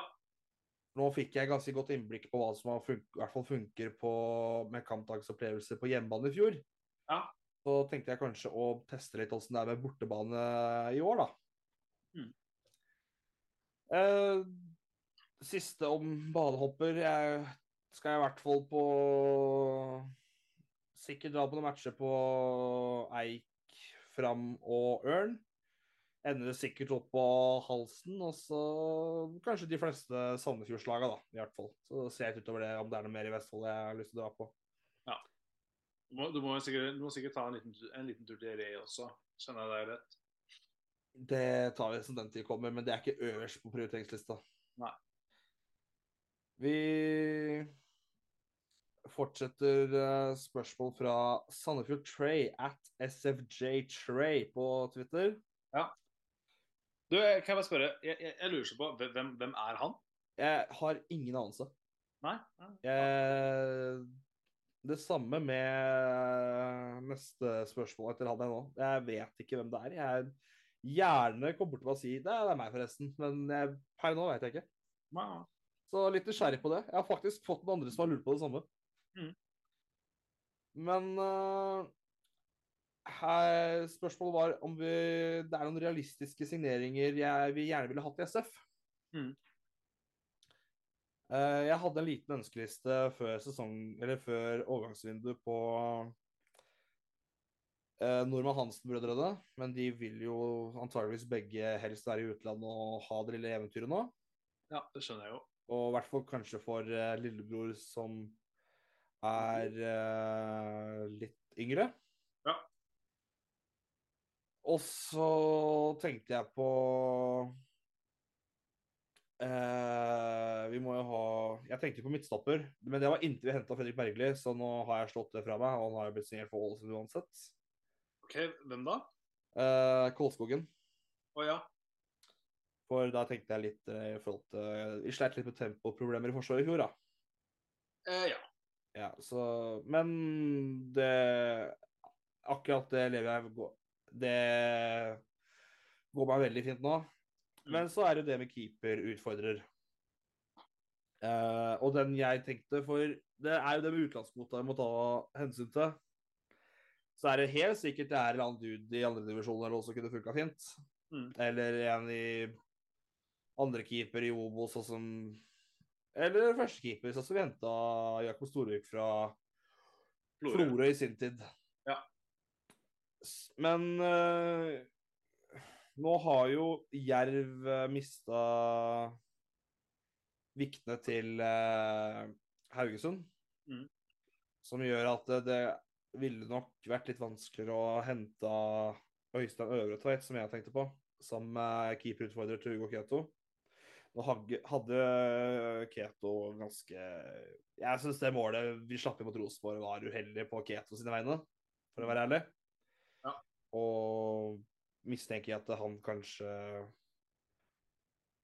eh, sikkert er veldig god, men kan ha litt utfordringer med det mentale. Har vi en Karius i Sandefjord her da? mm? Har vi en Karius? Altså Jeg tror ikke det er så ille, men uh, jeg, jeg tror det jeg, Vi er utsatt i den posisjonen, det er vi. Ja. Så for uh, Øretveit har jo koden fra Sandefjord. Så jeg tror kanskje liksom det å prøve å selge inn den pitchen på hjemmebane ikke hadde nødvendigvis vært liksom det jævligste i verden, da. Nei. Så det var vel status da. Siden da har jeg tenkt på Wingerstatter. Det Nå er ikke eh, kveldens nyhet uh, bekrefta enda.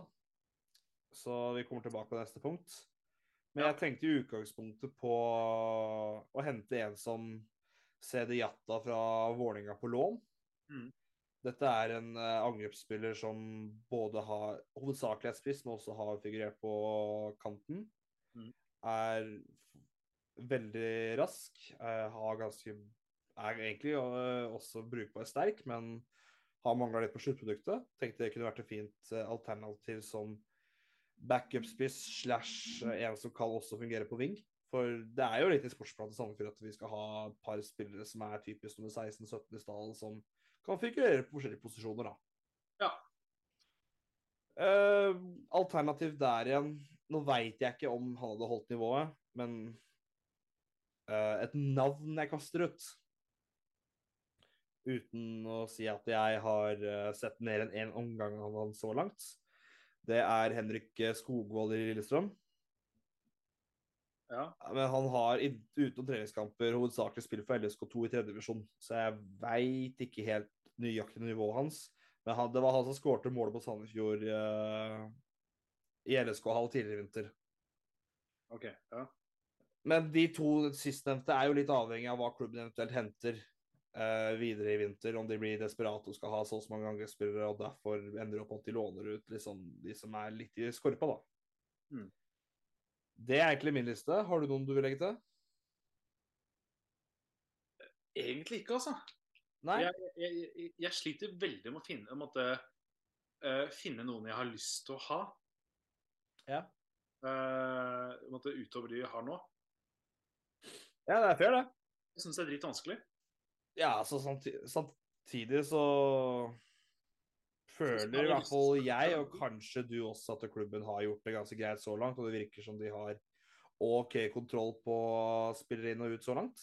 Jeg skal innrømme det at eh, jeg har en eh, Jeg, jeg, jeg, kjenner på tillit, jeg. På første, også for første gang på mange år. Uh, på, på, på, til, til klubben. At de, at de gjør det riktige. At de har uh, såpass mye følelse og god kontroll. For at de henter eh, på et edruelig og fornuftig nivå, det vil jeg i hvert fall si.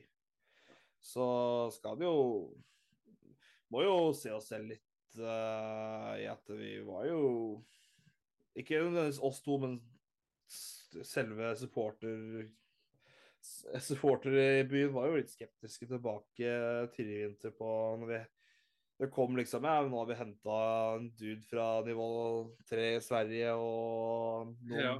svenske Obos-spillere at eh, Ja, er det her veien å gå? Bruke utenlandskvota på dette? Det, det må vi være ærlige og si at det var jo noe vi var skeptiske til, men so far so good.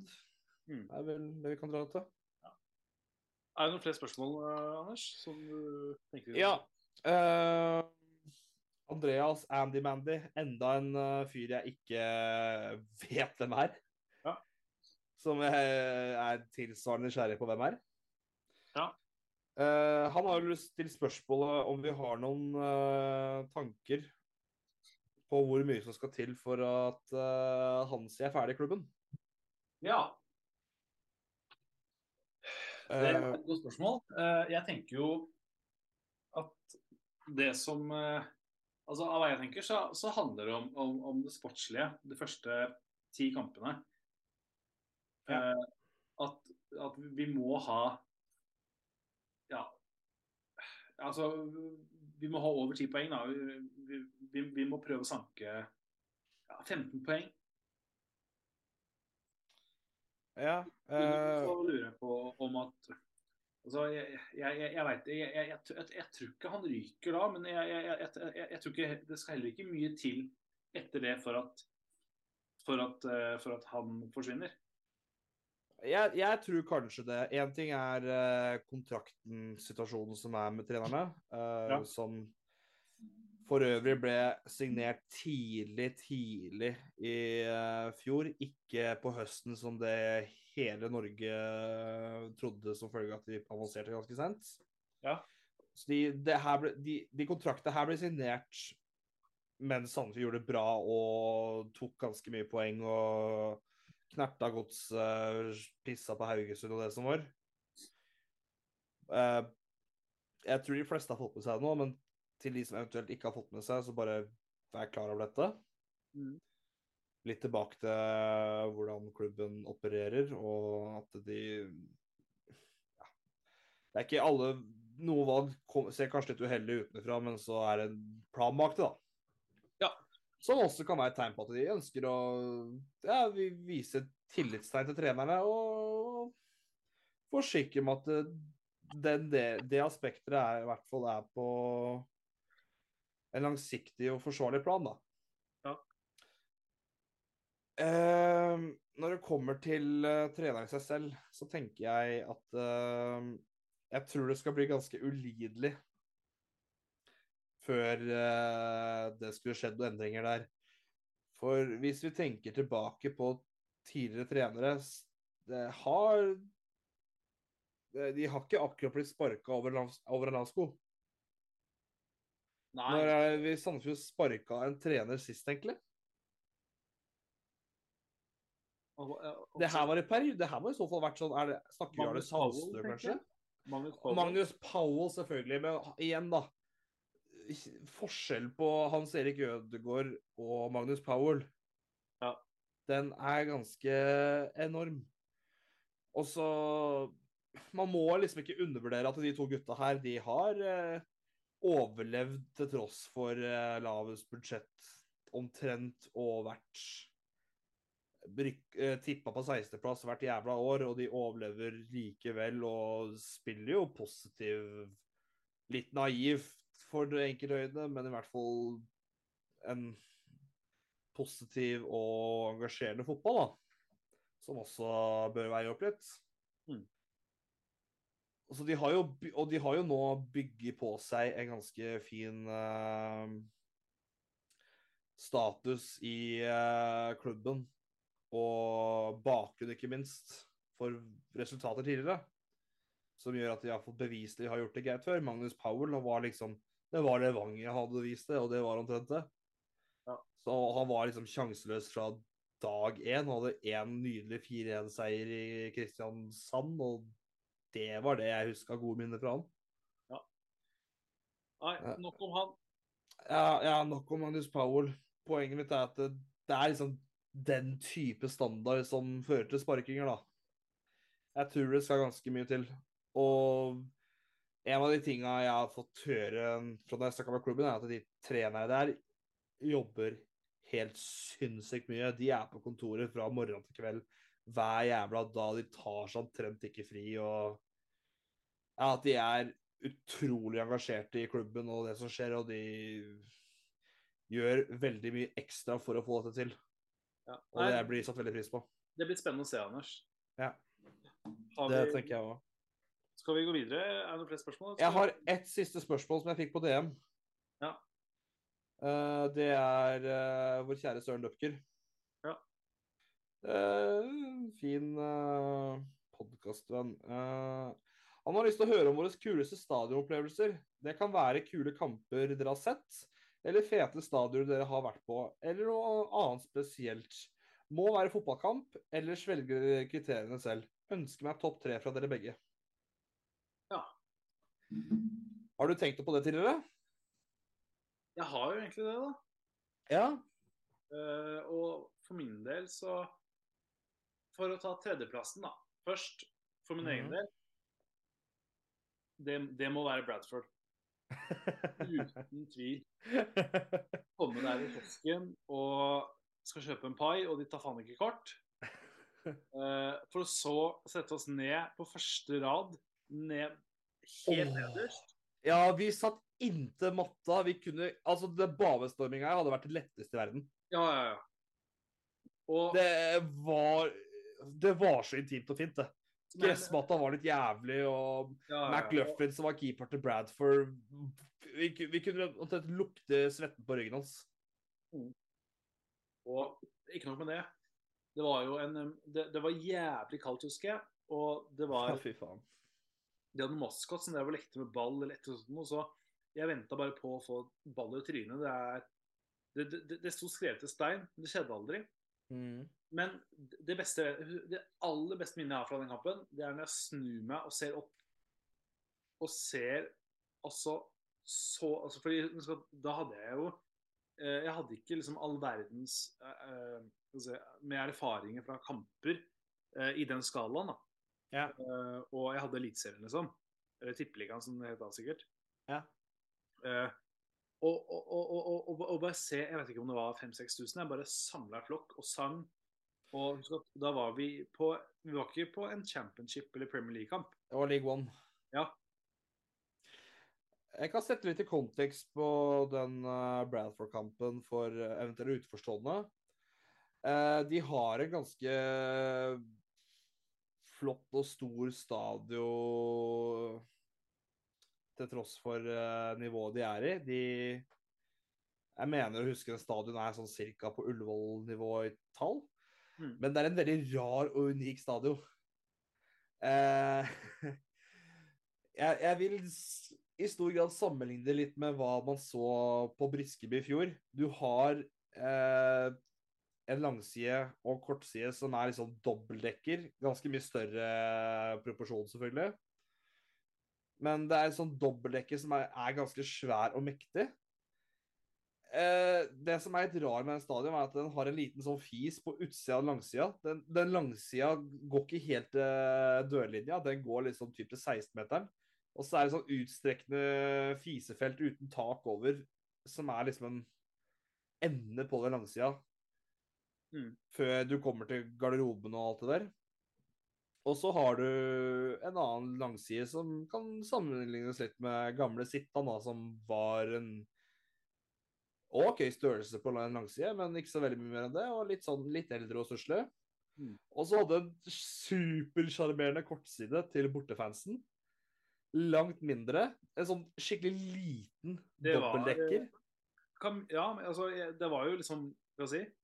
Eh, League Ones versjon av busskuret, nesten. Altså sånn i forhold til størrelse og Ja, det, men det var jo sånn dobbelt, det var sånn liten dobbeltdekker, vil jeg si. Ja, ja. Jeg, jeg tror jeg, Det var jo ikke sånn at de hadde sånn heissjakt i midten og sånt som blokkerte og delte opp fansen eller sånt. Det var jo ikke noe den type ting. Nei, nei, nei. Uh, men det var i hvert fall en veldig kul bortetribune. Uh, og det du snakka om det med fansen som sto liksom over oss Se for deg Øvre Øst med Rosenborg, uh, eller med Kjernen. For litt det samme er eh, med Bradford-fansen. Og der var det liksom masse trommer og kult, og det var ja, det var, det var god trøkk der. Vi likte oss. eh, Der likte vi oss. Yes, og så har vi andreplassen. Eh, for min del Det må nok være eh, Ja, det må nok være første gangen jeg var på Cartagena-kamp. Spania. Ja, utafor La Manga der. Ja, stemmer. Ja.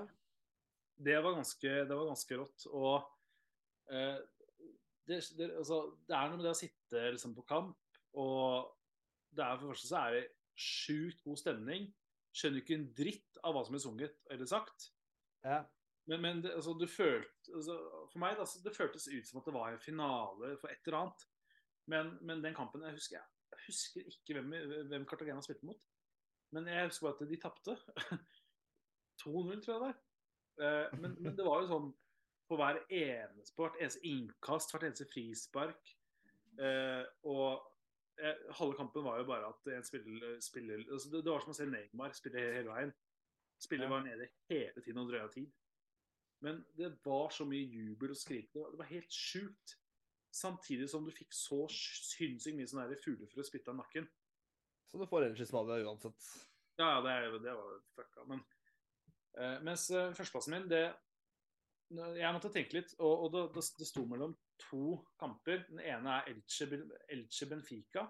Blir ikke den som ikke vinner da førsteplassen, de facto andreplass da? Nei, det, jeg, jeg, jeg kunne ikke notere sånn, Anders. OK. Uh, jeg tenkte på Elche, eh, på Elche Benfica, men så tenkte jeg treningskamp, og kampen var egentlig ikke så fet. Det var heller opplevelsen at det var svær stadion og Benficas fans som var crazy. Men så kom jeg på det sjukeste jeg har vært på. Hammarby mot Malmö. Sorry. Malmö-Hammarby. Ja, det kan jeg tenke meg. og jeg sto med Hammarby-fansen på bortefeltet der. Hva med Bayern? Bayern, Kjønne Bayern Ja, jeg husker ikke helt sangen, men det var Det er altså det sjukeste jeg har vært med på. Og du ser bare Det er jo altså Det var jo eh, borte- Bortesporterne hadde jo, på samme måte som Wigan hadde eh, mot Bradford, eh, Mm. eh, to etasjer med bortefelt. Og du ser etasjen over der jeg sto. Den gynga. Det var så mye trøkk, liksom. Var, uh, var reine bombonera-stemninger. Ja, ja. Og, og det var som pyro, og det var det å liksom gå ti, altså inn på stadion og ut av stadion, det var én ting, og det, det var to ting. Og det ene var at det var politi, politi, politi, politi. Mm. Eller polisen. ja. Og det andre var bortesupporterne som, som skulle beefe. Ja. Og da var jeg med noen av gutta i, eh, i USF. ja. og var på vors, og det var jævlig god stemning og sånn. Uh, og så husker jeg at uh, Jeg selv var jo ikke så gammel, jeg var 18 eller 19. Men uh, det var jo flere av jeg, jeg, jeg, lurer, jeg, husker ikke om noen av oss var med på det, men det var mye slagsmål etter den kampen. Fytti helvete hvor mye slåss, slåsskamper det var Ja. mellom da Malmö og Hammarby-sportere. Ja, jeg kan tenke meg. har aldri vært så stressa i mitt liv. Og jeg, jeg var så redd, husker jeg. Jeg var en pinglete liten guttunge. Kan jeg spørre, var det før eller etter den Zlatan-statuen eh, kom? Det var før. Ja, for det var jo Det var før, ja. For det var jo greia at eh, han gikk inn i Hammarby, og da ble Ja, ja. staten der revet ned. Nei, det, det her var før. Det var før. Okay. Nei, det, det var bare sånn Nei, bare se for deg at du kommer på stadion, og, og det er bare uh, Det er sånn uh, TIFO? Nei, TIFO heter? Jo, ja. Ja, det er, det, er, altså, det, er, det er to vegger da, med TIFO på Mhm. hver sin side på, på Malmö sin uh, stadion. Ja. Det, bare, det er en atmosfære uten like. Og for da Paul, 18 eller 19 år, som ikke er så veldig kjent med det her Som bare går inn på stadion og bare Damer, damer. Ja, eneste jeg skulle ha, var svenske, svenske skjeer. Det jeg fikk, det var opplevelse. Ja, men det høres veldig riktig ut. Ja. Så ja, det var min topp tre. Så det blir jo da, for å oppsummere Tredjeplassen er da Bradford? Bradford. Andreplassen var Cartagena. Og førsteplassen går til uh, Malmö-Hammarby-oppgjøret. Hammarby-Malmö, mente du kanskje? Det var Malmö som hadde hjemmekamp mot Hammarby. Ah, OK, OK. Ja. For jeg hadde hotell i København, husker jeg. Begge stadionene er jo ganske tilsvarende store også, og like, om jeg husker riktig òg. Mm. Ja, jeg kan jo, Nå er ikke det på min topp tre, men jeg var jo, siden du nevner at du bodde i København og var på kamp i Malmö Var du med? Nei, men uh, kort tid før korona så var jeg jo på København eh, FCK? Malmö Ja, FCK Malmö i den avgjørende Europaligakampen. Den siste kampen i gruppespillet. Det var nummer én mot nummer to, liksom. Mm. Broderby og ja, som fra hvert sitt land. Mm. Så jeg kan si at det, det var noe greier der også som skjedde utenfor stadion. Ja. Eh, det her kommer vi, litt, uh, kommer inn på litt senere i episoden. Vi har en, lagt en ny spalte med en ny jingle og alt mulig. Men for å komme inn på topp tre Min topp tre. Uh, så tror jeg jeg må ta tre forskjellige anledninger. Det er sånn vanskelig å ta opp imot hverandre hva som er størst, for det er de er på en måte større enn hverandre på hver sine måter. Mm. Uh, jeg tror jeg har lyst til å kjøre tredjeplassen. Så kjører jeg kampen etter FCK Malmö. Det var uh, første utslagsrunde i uh, nevnte Europaliga. FCK Celtic. Da kjøpte jeg og Heiboff fikk jo overtredning og reiste tur nummer to. Og denne gangen lærte vi av feil vi gjorde i første kampen. Vi kjøpte nå billetter på seksjon 12, som er deres kortside. Mm. Dritkult. Eh, skal ikke overforklare så mye, men der var det mye drita skotter. Eh, kvelden før så var vi på Dro vi innom puben deres, da, litt sånn undercover.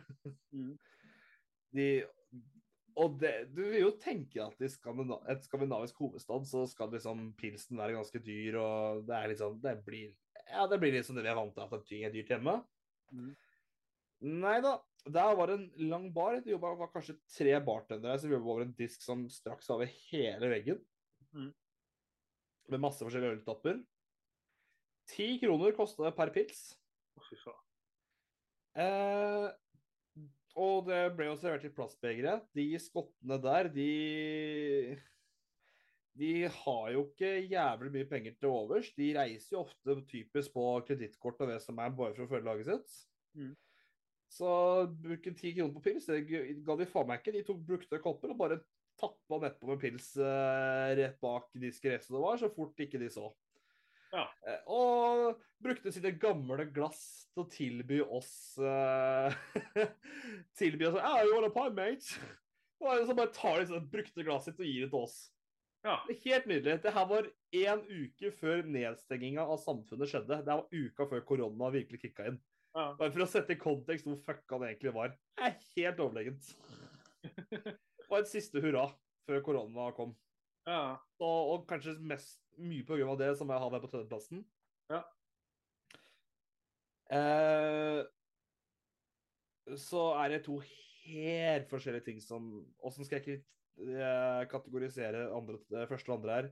Jeg tror jeg faktisk må ta det som litt den subjektive først. Mm. Eh, og det blir jo vanskelig å komme seg utenom eh, Haugesund-Sandefjord i siste serien i år. Eller i fjor sommer. nå. ja. Eh, jeg tror ikke jeg skal forklare så mye om denne. Det kommer vi garantert til å nevne sikkert tusen ganger i løpet av denne podkasten her. Så jeg lar det være med det. Mm. Eh, og så vil jeg avslutte med å si førsteplass.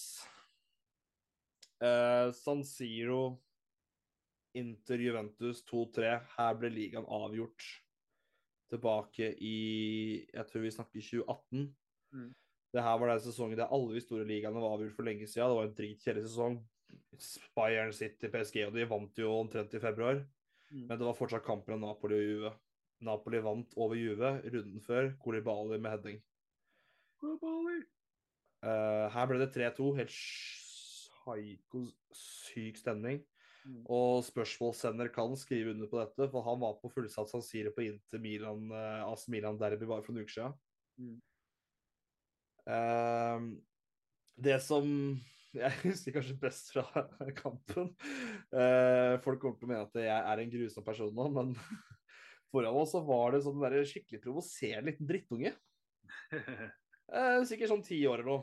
Mm. Hadde på seg Juventus-drakt midt i interklynga der vi sto. Mm. Um, og han uh, hadde på seg sånn derre Alle Dybala bak, da. Ja. Og det er sånn OK, litt rart at du sitter med på den type derby her, med, og du tar med kiden med inn Juventus-drakt. Mm. Men OK. Jeg, fair nok, liksom. Dersom folk klarer å leve med det, så OK. Mm. Men Juventus leder jo kampen både én og to ganger. Mm. Nei, de leder de, Nei, de scorer eh, De leder først. Og da begynner kiden å reise seg opp.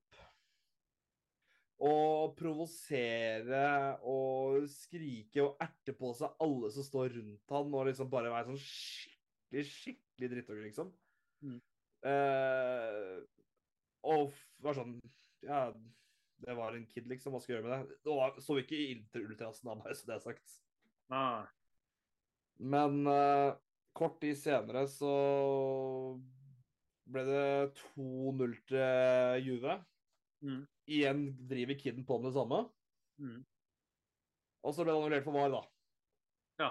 Selvfølgelig. Og så skårer Inter eh, 1 igjen. Mm. Og så skårer vi 2 igjen. Og plutselig så sitter jeg og Henrik og ser på kiden Sitter for seg selv og bare står og gråter og bare Og er skikkelig lei seg, bare Og jeg og Henrik liksom står liksom og hvisker Broren min da, står og hvisker til hverandre bak ham, bare sånn «Eh, You little cry, baby. Vi, goss, vi, skal vi gosse oss litt over det, for å være ærlig. ja, ja. Eh, da fikk eh, Og mamma som var med oss da, fikk liksom se sønnene sine på sitt absolutt verste i den anledning. Det er herlig. Eh, det endte opp med at Juventus vant 3-2 rett og hadde siste spark på kampen. Higuain fiksa biffen der, og så vant Juve seriegull. Men ja, det var iallfall den opplevelsen. Jeg skjønner jo at du setter den høyt. Ja, det Altså, jeg har vært på Signal Iduna, vært på Anfield United, vært på Leeds, eh, vært på Ikke all verden, men jeg har vært på mye av det kule. Eh, det der var helt spesielt i forhold til det andre. Ja. Helt, helt, helt spesielt. Eh, altså Helt ærlig, Old Trafford Og kan gi en liten honorable mention her. Eh, Stemninga på Old Trafford eh, musepiss i forhold til Intility i fjor, uh, Vålerenga-Lillestrøm. Ja. Musepiss. Det, uansett om Jeg har vært på United Liverpool, og jeg har vært på Champions League mot Sevilla. Uh, nei. Jeg syns det var fetere stemning. Nå kan det hende det er litt recency bias her, men ja, det står jeg for. Men uh, Anders, la oss bevege oss videre. Ja. Søren har fått nok til spalteplass nå. Ja. Neste tema det er eh, en spiller som er sterkt linka til Sandefjord. Jeg, jeg, jeg vet ikke hvor mye vi skal inn på det, jeg, men eh, vi har uh, Gilbert Comson. Ifølge TV 2 så er jo han på vei. Yes. Uh, nå aner jeg ikke hvor nære han er, eh, eller eh, altså, om det kanskje eh, o- Om det blir bekrefta innen vi er ferdig å spille inn, eller i morgen tidlig, eller hva det måtte være. Men Altså, nå er jo klokka to natt til lørdag på, dette tidspunktet, så det tviler jeg veldig sterkt på du bekrefta i løpet av innspillinga. kanskje i morgen, da. Eh, Kanskje i morgen. Ja. Eh, men ut ifra det vi har fått av inntrykk, så virker det som at det er veldig troverdig, og at det er sånn Det her er helt reelt. Ja, hvor, hvor, mye tror, hvor, hvor mye tror du Sandefjord må ut med for Komson? Eh, altså, han er eh, det, jeg Her ser jeg for meg at klubben har forhandla veldig smart. Han er 28 år, har ikke så mye videresalgsverdi, er avhengig av tempoen sin. Uh, utenlandskvote og det som er. Klint er nå ute av Europa. Mm. uh, og så Og med det allerede tenker, kan jeg se for meg at eh, de da prøver å rydde opp litt av det som ikke blir brukt så mye da, til kommende sesong, fordi nå har de jo fått så sjukt høye billettinntekter at eh, nå er det jo bare å handle. Ja. Så kanskje i den anledning så har sitter Sandefjord ganske gode forhandlingskort i den anledning. De vet jo Glimt vet jo veldig godt selv at uh, de kan ikke akkurat presse Sandefjord ut for så mye midler fra så mye steder. Nei. Det er vel ikke noe hemmelighet. Samtidig så kanskje har jo Sandefjord gitt det en ganske fin handel tidligere med Marius Høybråten, så kanskje de tenker at uh, her er relasjonen såpass god at det ønsker de å ikke være så fæle om, da. Ja. Men så er det Glimt igjen, da, så Veit aldri. Nei. Når det skal sies, de, akkurat på det sportslige, så har de vel ikke gitt, gjort så mye feil. Nei. Det er vel det mest utensportslige. Igjen, mer om det senere. Ja. Ja, det, det, jeg, jeg, ja, det, er, det er vel egentlig ikke så mye mer jeg lurer på rundt Komson måte, før jeg vet noe mer om han er bekrefta eller ikke. Nei, så veit jeg ikke om det, er, om det er snakk om permanent eller lån heller, men Ja, jeg, jeg, Slik jeg har forstått, så er det snakk om, eh, om et salg. ja, jeg forsto det slik, jeg òg, men jeg fikk aldri liksom helt klart. Nei. Men vi får se. Det, det gjenstår å se. Men uh, Anders, jeg har gode nyheter. OK. Det er tid for uh, nok en gang Royce. ja, for de har jo spilt to kamper siden sist, fordi at vi har brukt så jævlig lang tid på å få ut nye episoder. Kjør vignett. Uh. Uh, Kryok Troyes har spilt kamp siden sist. Hvordan gjør gutta det i Polen, da?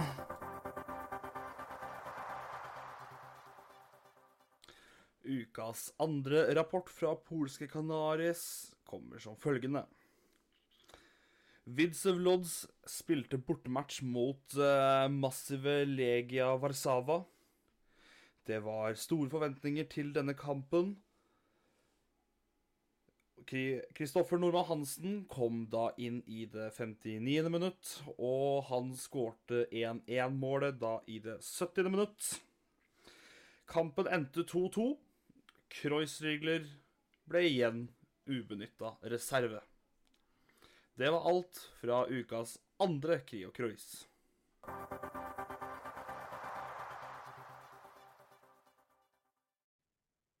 Ja, OK. Å, jeg, må si, jeg, jeg er så trøtt. Jeg, sli- jeg sitter og Ja, vi, men heldigvis, Paul, så begynner vi å nærme oss eh, slutten. Ja. Og det jeg tror nok eh, Og uansett hvor ræva resten av episoden blir, så har jo Det er jo ingen som hører på oss lenger fortsatt nå. Alle har jo skrudd av det øyeblikket vi begynte å, snak å snakke oss i hjel om Cartagena. ja. ja. Men det er sånn skal det være. Sånn skal det være. Da da skal vi intervjue med TV 2. Hva Ja, det var og- og- og det kan ferdigtolkes. Jeg har ikke vært i intervju med TV 2. Nei. Men Hans Erik Ødegaard, Frankly Daddy's Boy og Gud Tveter har vært i et intervju med TV 2. Hæ? Det har ikke jeg sett. Oi da. Nå har du vært forbi på Disney pluss. Nå, Ja, må du bruke- nå må du bruke hele abonnementet. Da, da Ja, skjer vi det noe. intervjua de i anledning med trening på treningsleir eh, forrige uke. Ja, men skal, da skal, skal vi smelle i gang poden først? Hmm? Skal vi kjøre i gang? Kjøre i gang. Ja, altså, altså nå hadde vi jo en liten uh, Kryokreuz. Å ja, du, du uh, Nei, nei, vi, vi jeg, jeg Vi spiller nå. Ja. Oh, ja, Så ok. det, du, det du sier å blir på tapet. Det kommer jeg ikke til å klippe bort. Ja, ja, ja. ja. Ja, vi har vært, Sandefjord har vært i intervju med TV 2. Det har ikke jeg, bare så det er klinkende klart. Eh, Det kunne Etter kjøreplanen så kunne det antydes sånn ifølge Paul, men sånn Ja. ble det ikke. Nei. Yes! Men, eh, Fortell OK. eh, det, du, nå, nå har ikke jeg sett dette intervjuet. Ja, Paul har ikke Daddy's har vært, et, vært, vært i et intervju og, og forklart historien om navnet sitt. Som han har gjort til meg tidligere i Samferdselsblad, og til Eurosport tidligere for der igjen, og til en eller annen for der. Altså, SF-podden blant annet, tror jeg. ja. Og det som er gøy, er at historien er forskjellig hver gang. Er det det? Ja, han eh, eh, Som han ga til TV 2, og som han sa til meg Han gir den korte historien. Den derre Nei, ja, pappa, eh, pappa var kreativ og bla, og bla, og jeg er pappas gutt og ditt og sånn. Ja. Mens til SF-poden var vel, så sa han jo noe helt annet. At, at det var noe med navnet Ja, det er gøy. Ja, det var noe med navnet hans som, som, som, som ikke var lov i Norge. Eller et, å ha sagt noe, så da hadde pappa sagt sånn Hold en dag for OK. Her skal jeg ikke spekulere. Da kommer vi i hvert fall til å bli kansellert. vi, vi, vi, kan ikke bli kansella. Vi, vi er ikke Sofie Elise og Fetisha. Nei. Nei. Nå, nå ble vel ikke, det er det ikke hun som ble cancelled per se, men ja, nok om Sofie Elise, i hvert fall. Hun øh, det, Anders, fortell om intervjuene med TV 2. Hvem har prata med hvem? Eh, Hans Erik Jødegaard starta å prate. Eh, jeg husker jo ikke alt ordsrett fra intervjuet. Nå er jo det her snakk om kanskje en ti dager siden. Mm. Eh, det jeg husker, er at eh, Gud, og da var det rett på paralleller med «Eh, Du har jo en sønn som spiller på Arsenal, og vil, vil du heller ha det med Arsenal, eller vil du heller oppleve det med Sandefjord og Åh. Please, TV 2, ikke la det her være en forsmak på at uh, dere skal bruke Sandefjord fotball som en plattform for å drive nisseluepropaganda med landslagskapteinen vår. Mm. Ikke gjør at vi begynner å få sånn sula forhold til uh, uh, Martin Ødegaard, for vi er glad i ham, og vi ønsker alt det beste, men Åh, ikke La Hans Erik Ødegaard være trener til Sandefjord først og fremst, da. Please. Ja. Det, det blir så jævlig slitsomt å forholde seg til de greiene der hele fuckings tida. Jeg blir gæren. Kan ikke dere heller fokusere på å fikse busskur eller noe sånt, istedenfor å bare tenke på Å, pappa til Martin 15! ja, men sånn seriøst. Det Alle vet det nå. OK. Hans Erik, det er faren til Martin, ikke sant? Ja, men jeg syns Hans Erik svarte veldig fint for seg, og var veldig på det faglige. Og tok opp et par ting som var det at uh, VG-artikkelen om at de skulle trene mer i vinter, ble tatt litt ut av kontekst. Og ja, jeg syns egentlig han leverte ganske fint. Um, jeg har bare én ting jeg vil si om Hans Erik Ødegaard i form av intervjuer og sånt. Det samme gjelder også om egentlig Andreas Tegstrøm, ikke at han er like ofte i intervjuer. Mm. Det er uh, please uh, jobb litt uh, mer med profilbygginga deres. Det er, kommer veldig ofte ut. Litt for faglig og grått. Og det er litt av grunnen til at dere kanskje ikke blir like ofte intervjua som andre profiler i serien. Ja. Det er jo to ganske A4-type karer. Ganske trause. Ja, og det, de, altså det viktigste er jo at de hovedsakelig skal være trener og ikke sirkusklovn, men uh, jeg skulle ønske de kanskje de begynte litt mer på seg selv, da. Ja.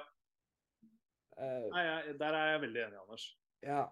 Uh, ikke kjempekjernesak for meg, men mer som en kommentar.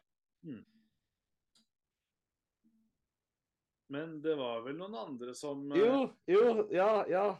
Uh, Gud Tveter. Gud, Ja.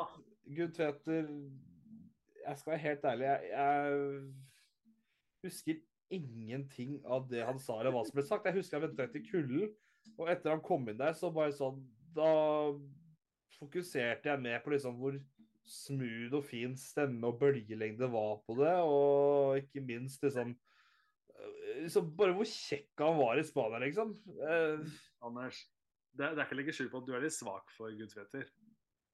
Er du gæren? Altså, Gud Tveter er fasit. Kan vi nevne at han var kaptein i kamp mot Ålesund? Ja, ja, det var han, ja. Det, det, det likte jeg jo, Rosenborg. Jeg tror det var Ålesund. Ja. Kjør på med det, please, for jeg har hørt jeg, jeg har hørt på han et par treningskamper og alt mulig, og han eh, Han er flink til å pushe gutta, og han er jo en av de eldre nå, så Gud Tveter, kaptein, det, det er en spiller som ikke er skada eller noe som helst heller, så fasit Mm, mm. Ja. La bare det være sagt. Jeg tror egentlig det var litt artig det jeg var mellom de intervjuene også. Det er ikke Jeg hadde ikke tenkt å ta en halvtime spalt på det, egentlig. Nei. Nei da. Ja, da kan, kan vi ikke bare kjøre, kjøre i gang med en uh, ny vignett, Anders? Ja, du bare bestiller, du. Jeg gjør det. Kan vi ikke forklare historien hvorfor en vignett? For he, he, he. Vi har en klubb i nord som har kanskje blitt litt for gode litt for fort. Voksesmertene har ikke latt seg helt ta av, og nå har de eh, Nå har de mista litt bakkekontakt. Ja, det er, ikke, det er jo ikke sikkert under en stol. Og det er ikke, de mista ikke bakkekontakten i forgårs. Nei. Så i anledning til det så har de gjort ganske mye dumt siste året, som er jævlig provoserende. Og nå, bare etter forrige ukes stunt, så bare bestemte jeg dette. Fuck it. Det de gjør så mye dumt, og det skjer så ofte. Og det er Sorry, Bodø-Glimt-supporter. Jeg skjønner at det ikke er deres feil, selv om dere til stadig driver og beskytter eh, og forsvarer de greiene der. Men hvis Jeg sier på hva det er. Det var redning. tenker jeg, nå skjer, Det her kommer til å sikkert dukke opp igjen. Og igjen. Og igjen. Da, da, da lager jeg en egen jingle til det. Så til alle nye lyttere Velkommen til jinglen Buglimt. Buglimt. bu. Buglimt. Bu. Anders. Fader, nå var jeg digg, ass.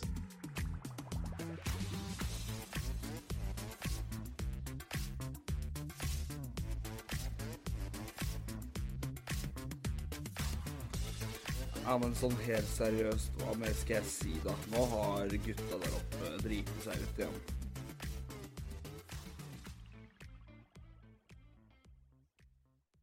OK. Eh... Bodø-Glimt spilte jo kamp forrige uke, Paul. Ja, mot Lech Poznan. Lek Poznan. Det gikk jo egentlig akkurat som det skulle gjøre. Ja, 0-1-tap. 0-1-tap. Eller 1-0-tap. De, altså, de tapte 0 Ja. Yes, de er ferdig. ja. Det er ikke noe Bodø i Europa noe mer. Det er ferdig, det nå. Eh, Det er don. Ja, ja, sånn er det. Eh, Ja. Men eh, var du på Aspmyra? Jeg eh, var ikke på, var ikke på, på Aspmyra, nei. Det var jeg ikke. Var du der? Jeg var ikke på Aspmyra. Jeg vurderte å dra dit, hadde kosta 50 kroner mindre. Men det fiksa de ikke opp igjen før uka etter, så faen heller. Ja. Det var synd. Å, fy faen. Nei, men OK, nå Bodø-Glimt øh, åh, eh, Hvor skal vi starte med det her, da? De møter et polsk lag i uh, conference hva, hva skal man kalle det her, da? Er det, det for det er ikke helt sluttspill, fordi det her er jo liksom tredjeplassen i Europaligaen mot andreplassen som skal kjempe om å komme direkte i neste 16-delsfinale, eller hva faen det er. Ja, jeg, jeg er litt usikker på det der. eh. Kan vi ikke kalle det 28-delsfinale etter et sånn rart, da? 64-delsfinale. Ja. De møtte, de møtte, de møtte Postman i kamp. Ja. De møtte i Europa. Ja. Og, og da tenkte Bodø-Glimt at uh, ja, det her er en europakamp. Eh, Tottenham og Manchester United spiller i samme turnering. Hva koster det der, da? Ja, 800. Kanskje for billett, som blir utsolgt med en eneste gang. Mm. Ja. Vi har jo utsolgt noen kamper til Europa. Vi spiller samme turnering. Hmm. Hva kan 6, 600! Vi selger billettene våre for 600. Det er en fin pris. Det her, og vi, kom, vi kan skryte at da, har vi, da koster det mindre enn de andre klubbene, og vi ligger på et fint konkurransedyktig prisnivå. Hmm. Det her kommer til å bli så populært. For nå er vi i Europa, og nå vi er Hele Norges Glimt, kjør på. Mm.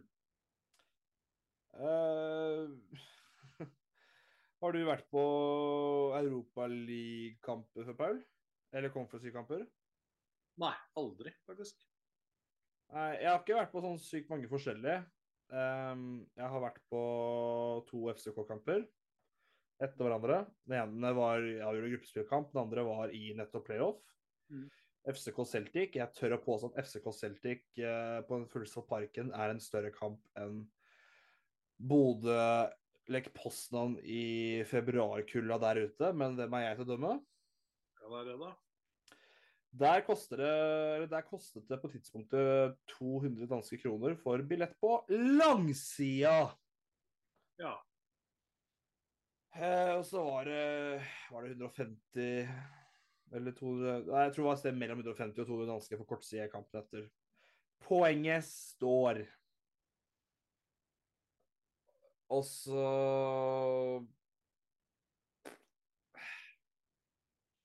jeg, jeg, jeg har ikke så veldig mye andre å sammenligne med i Europa, men jeg vil jo tro at de aller, aller, aller, aller fleste andre europaligakamper ligger på det prisnivået.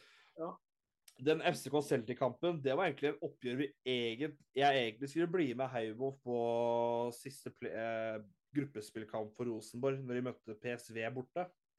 Det var også samme prisnivå. Ja.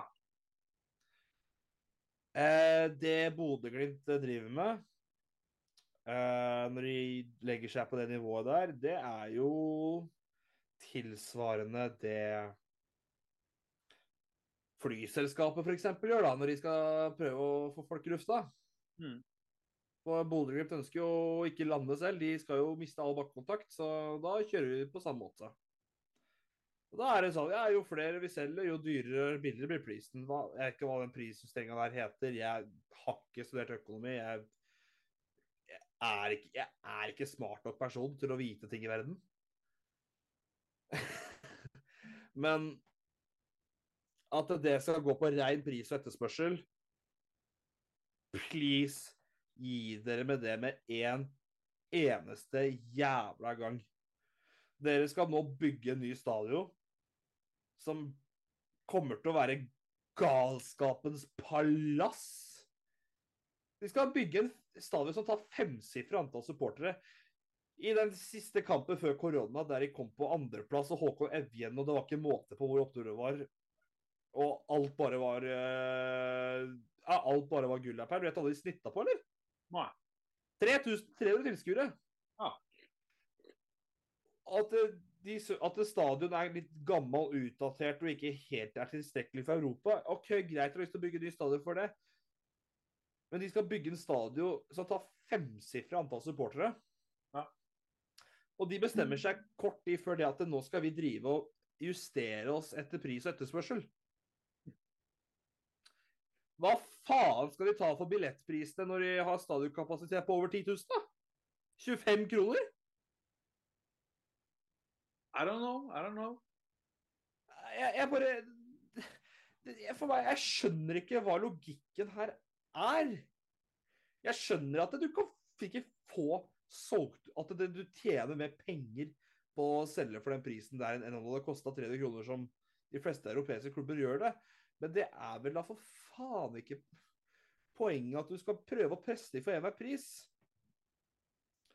Det her er jo akkurat grunnen til at vi elsker norsk fotball og liker å holde oss her og ikke sikter til å se på toppeuropeisk fotball, er jo fordi at vi skal slippe den driten her.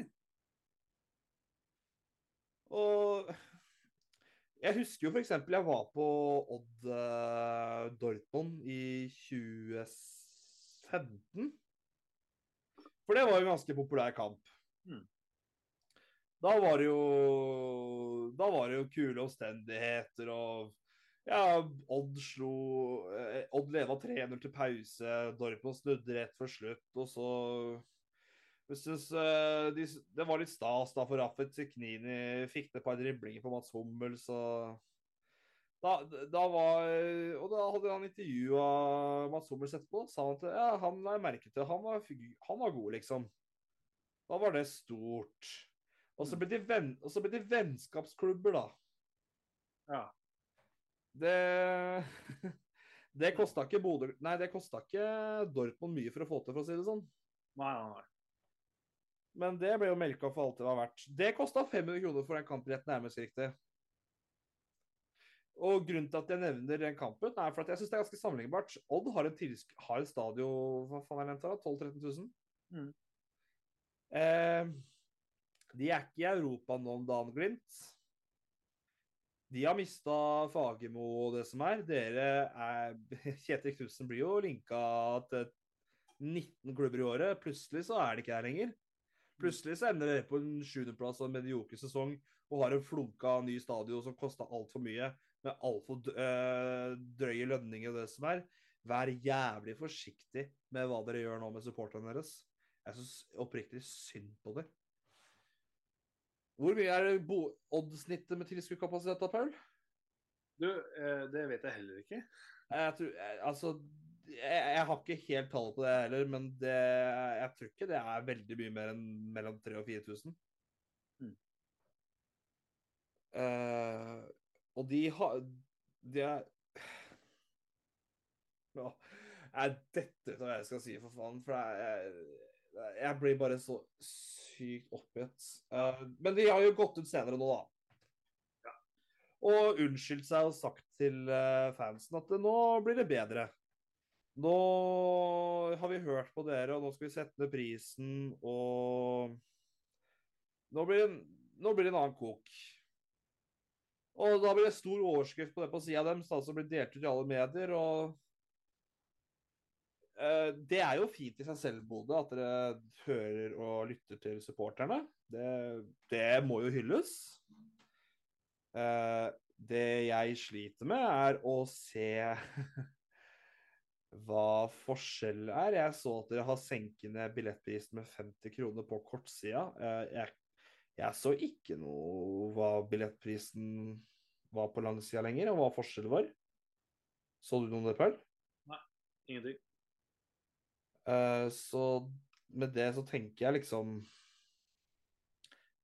uh, Har dere rett og slett gjort noe dere beviselig har gjort tidligere, og bare ljugd til supportere om hva dere gjør? Kan det godt være. Kan det godt være. Det kan veldig godt være.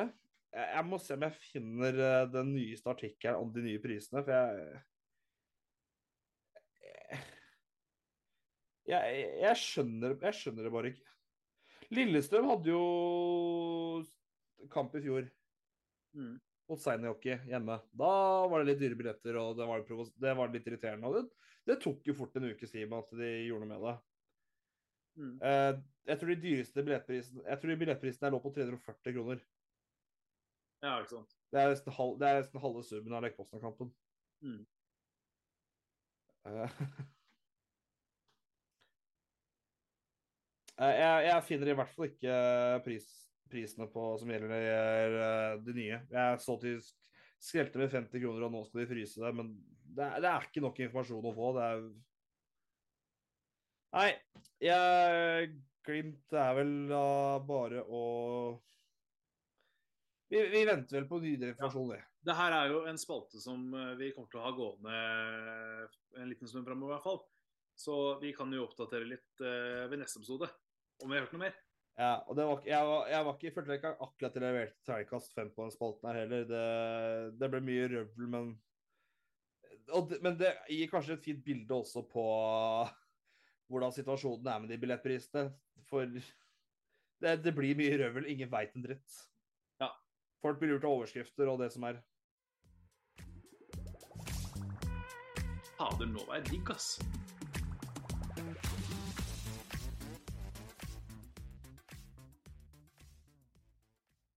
Og nå er det over til eh, episodens eh, siste ja, tema. Ja, det er en kamp som ikke koster 600 kroner. Tvert imot. Det er, jo, det er jo tross alt bare en hjemmekamp. Så, eller jo, det koster jo nesten 600 kroner.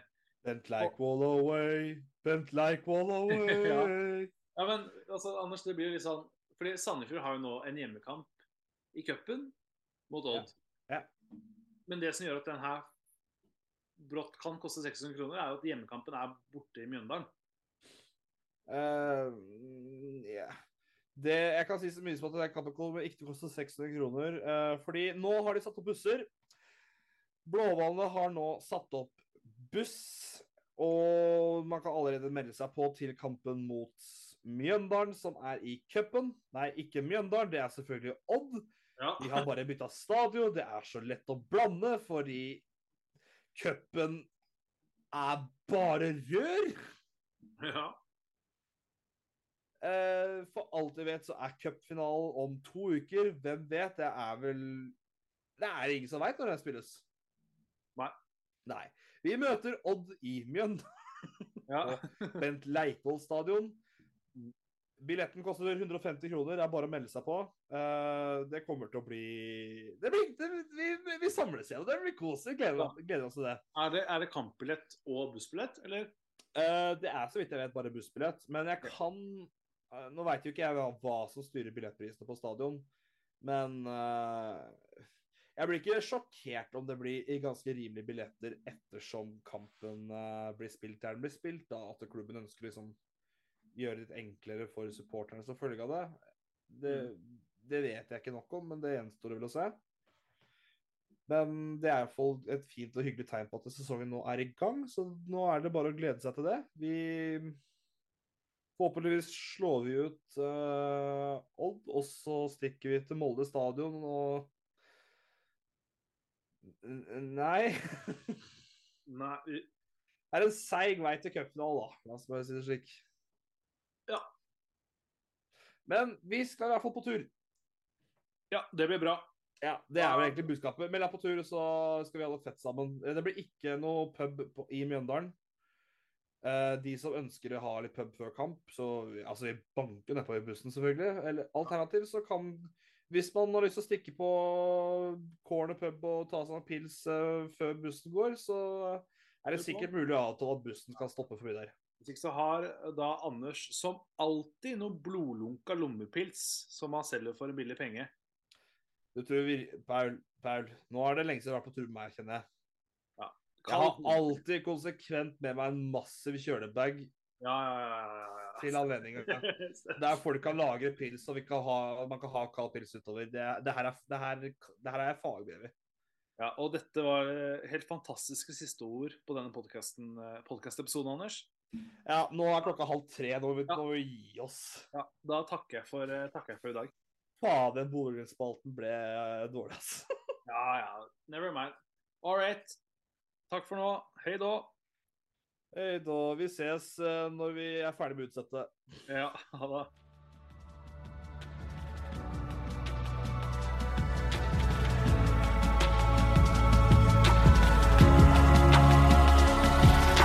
We are the whales from the fjord.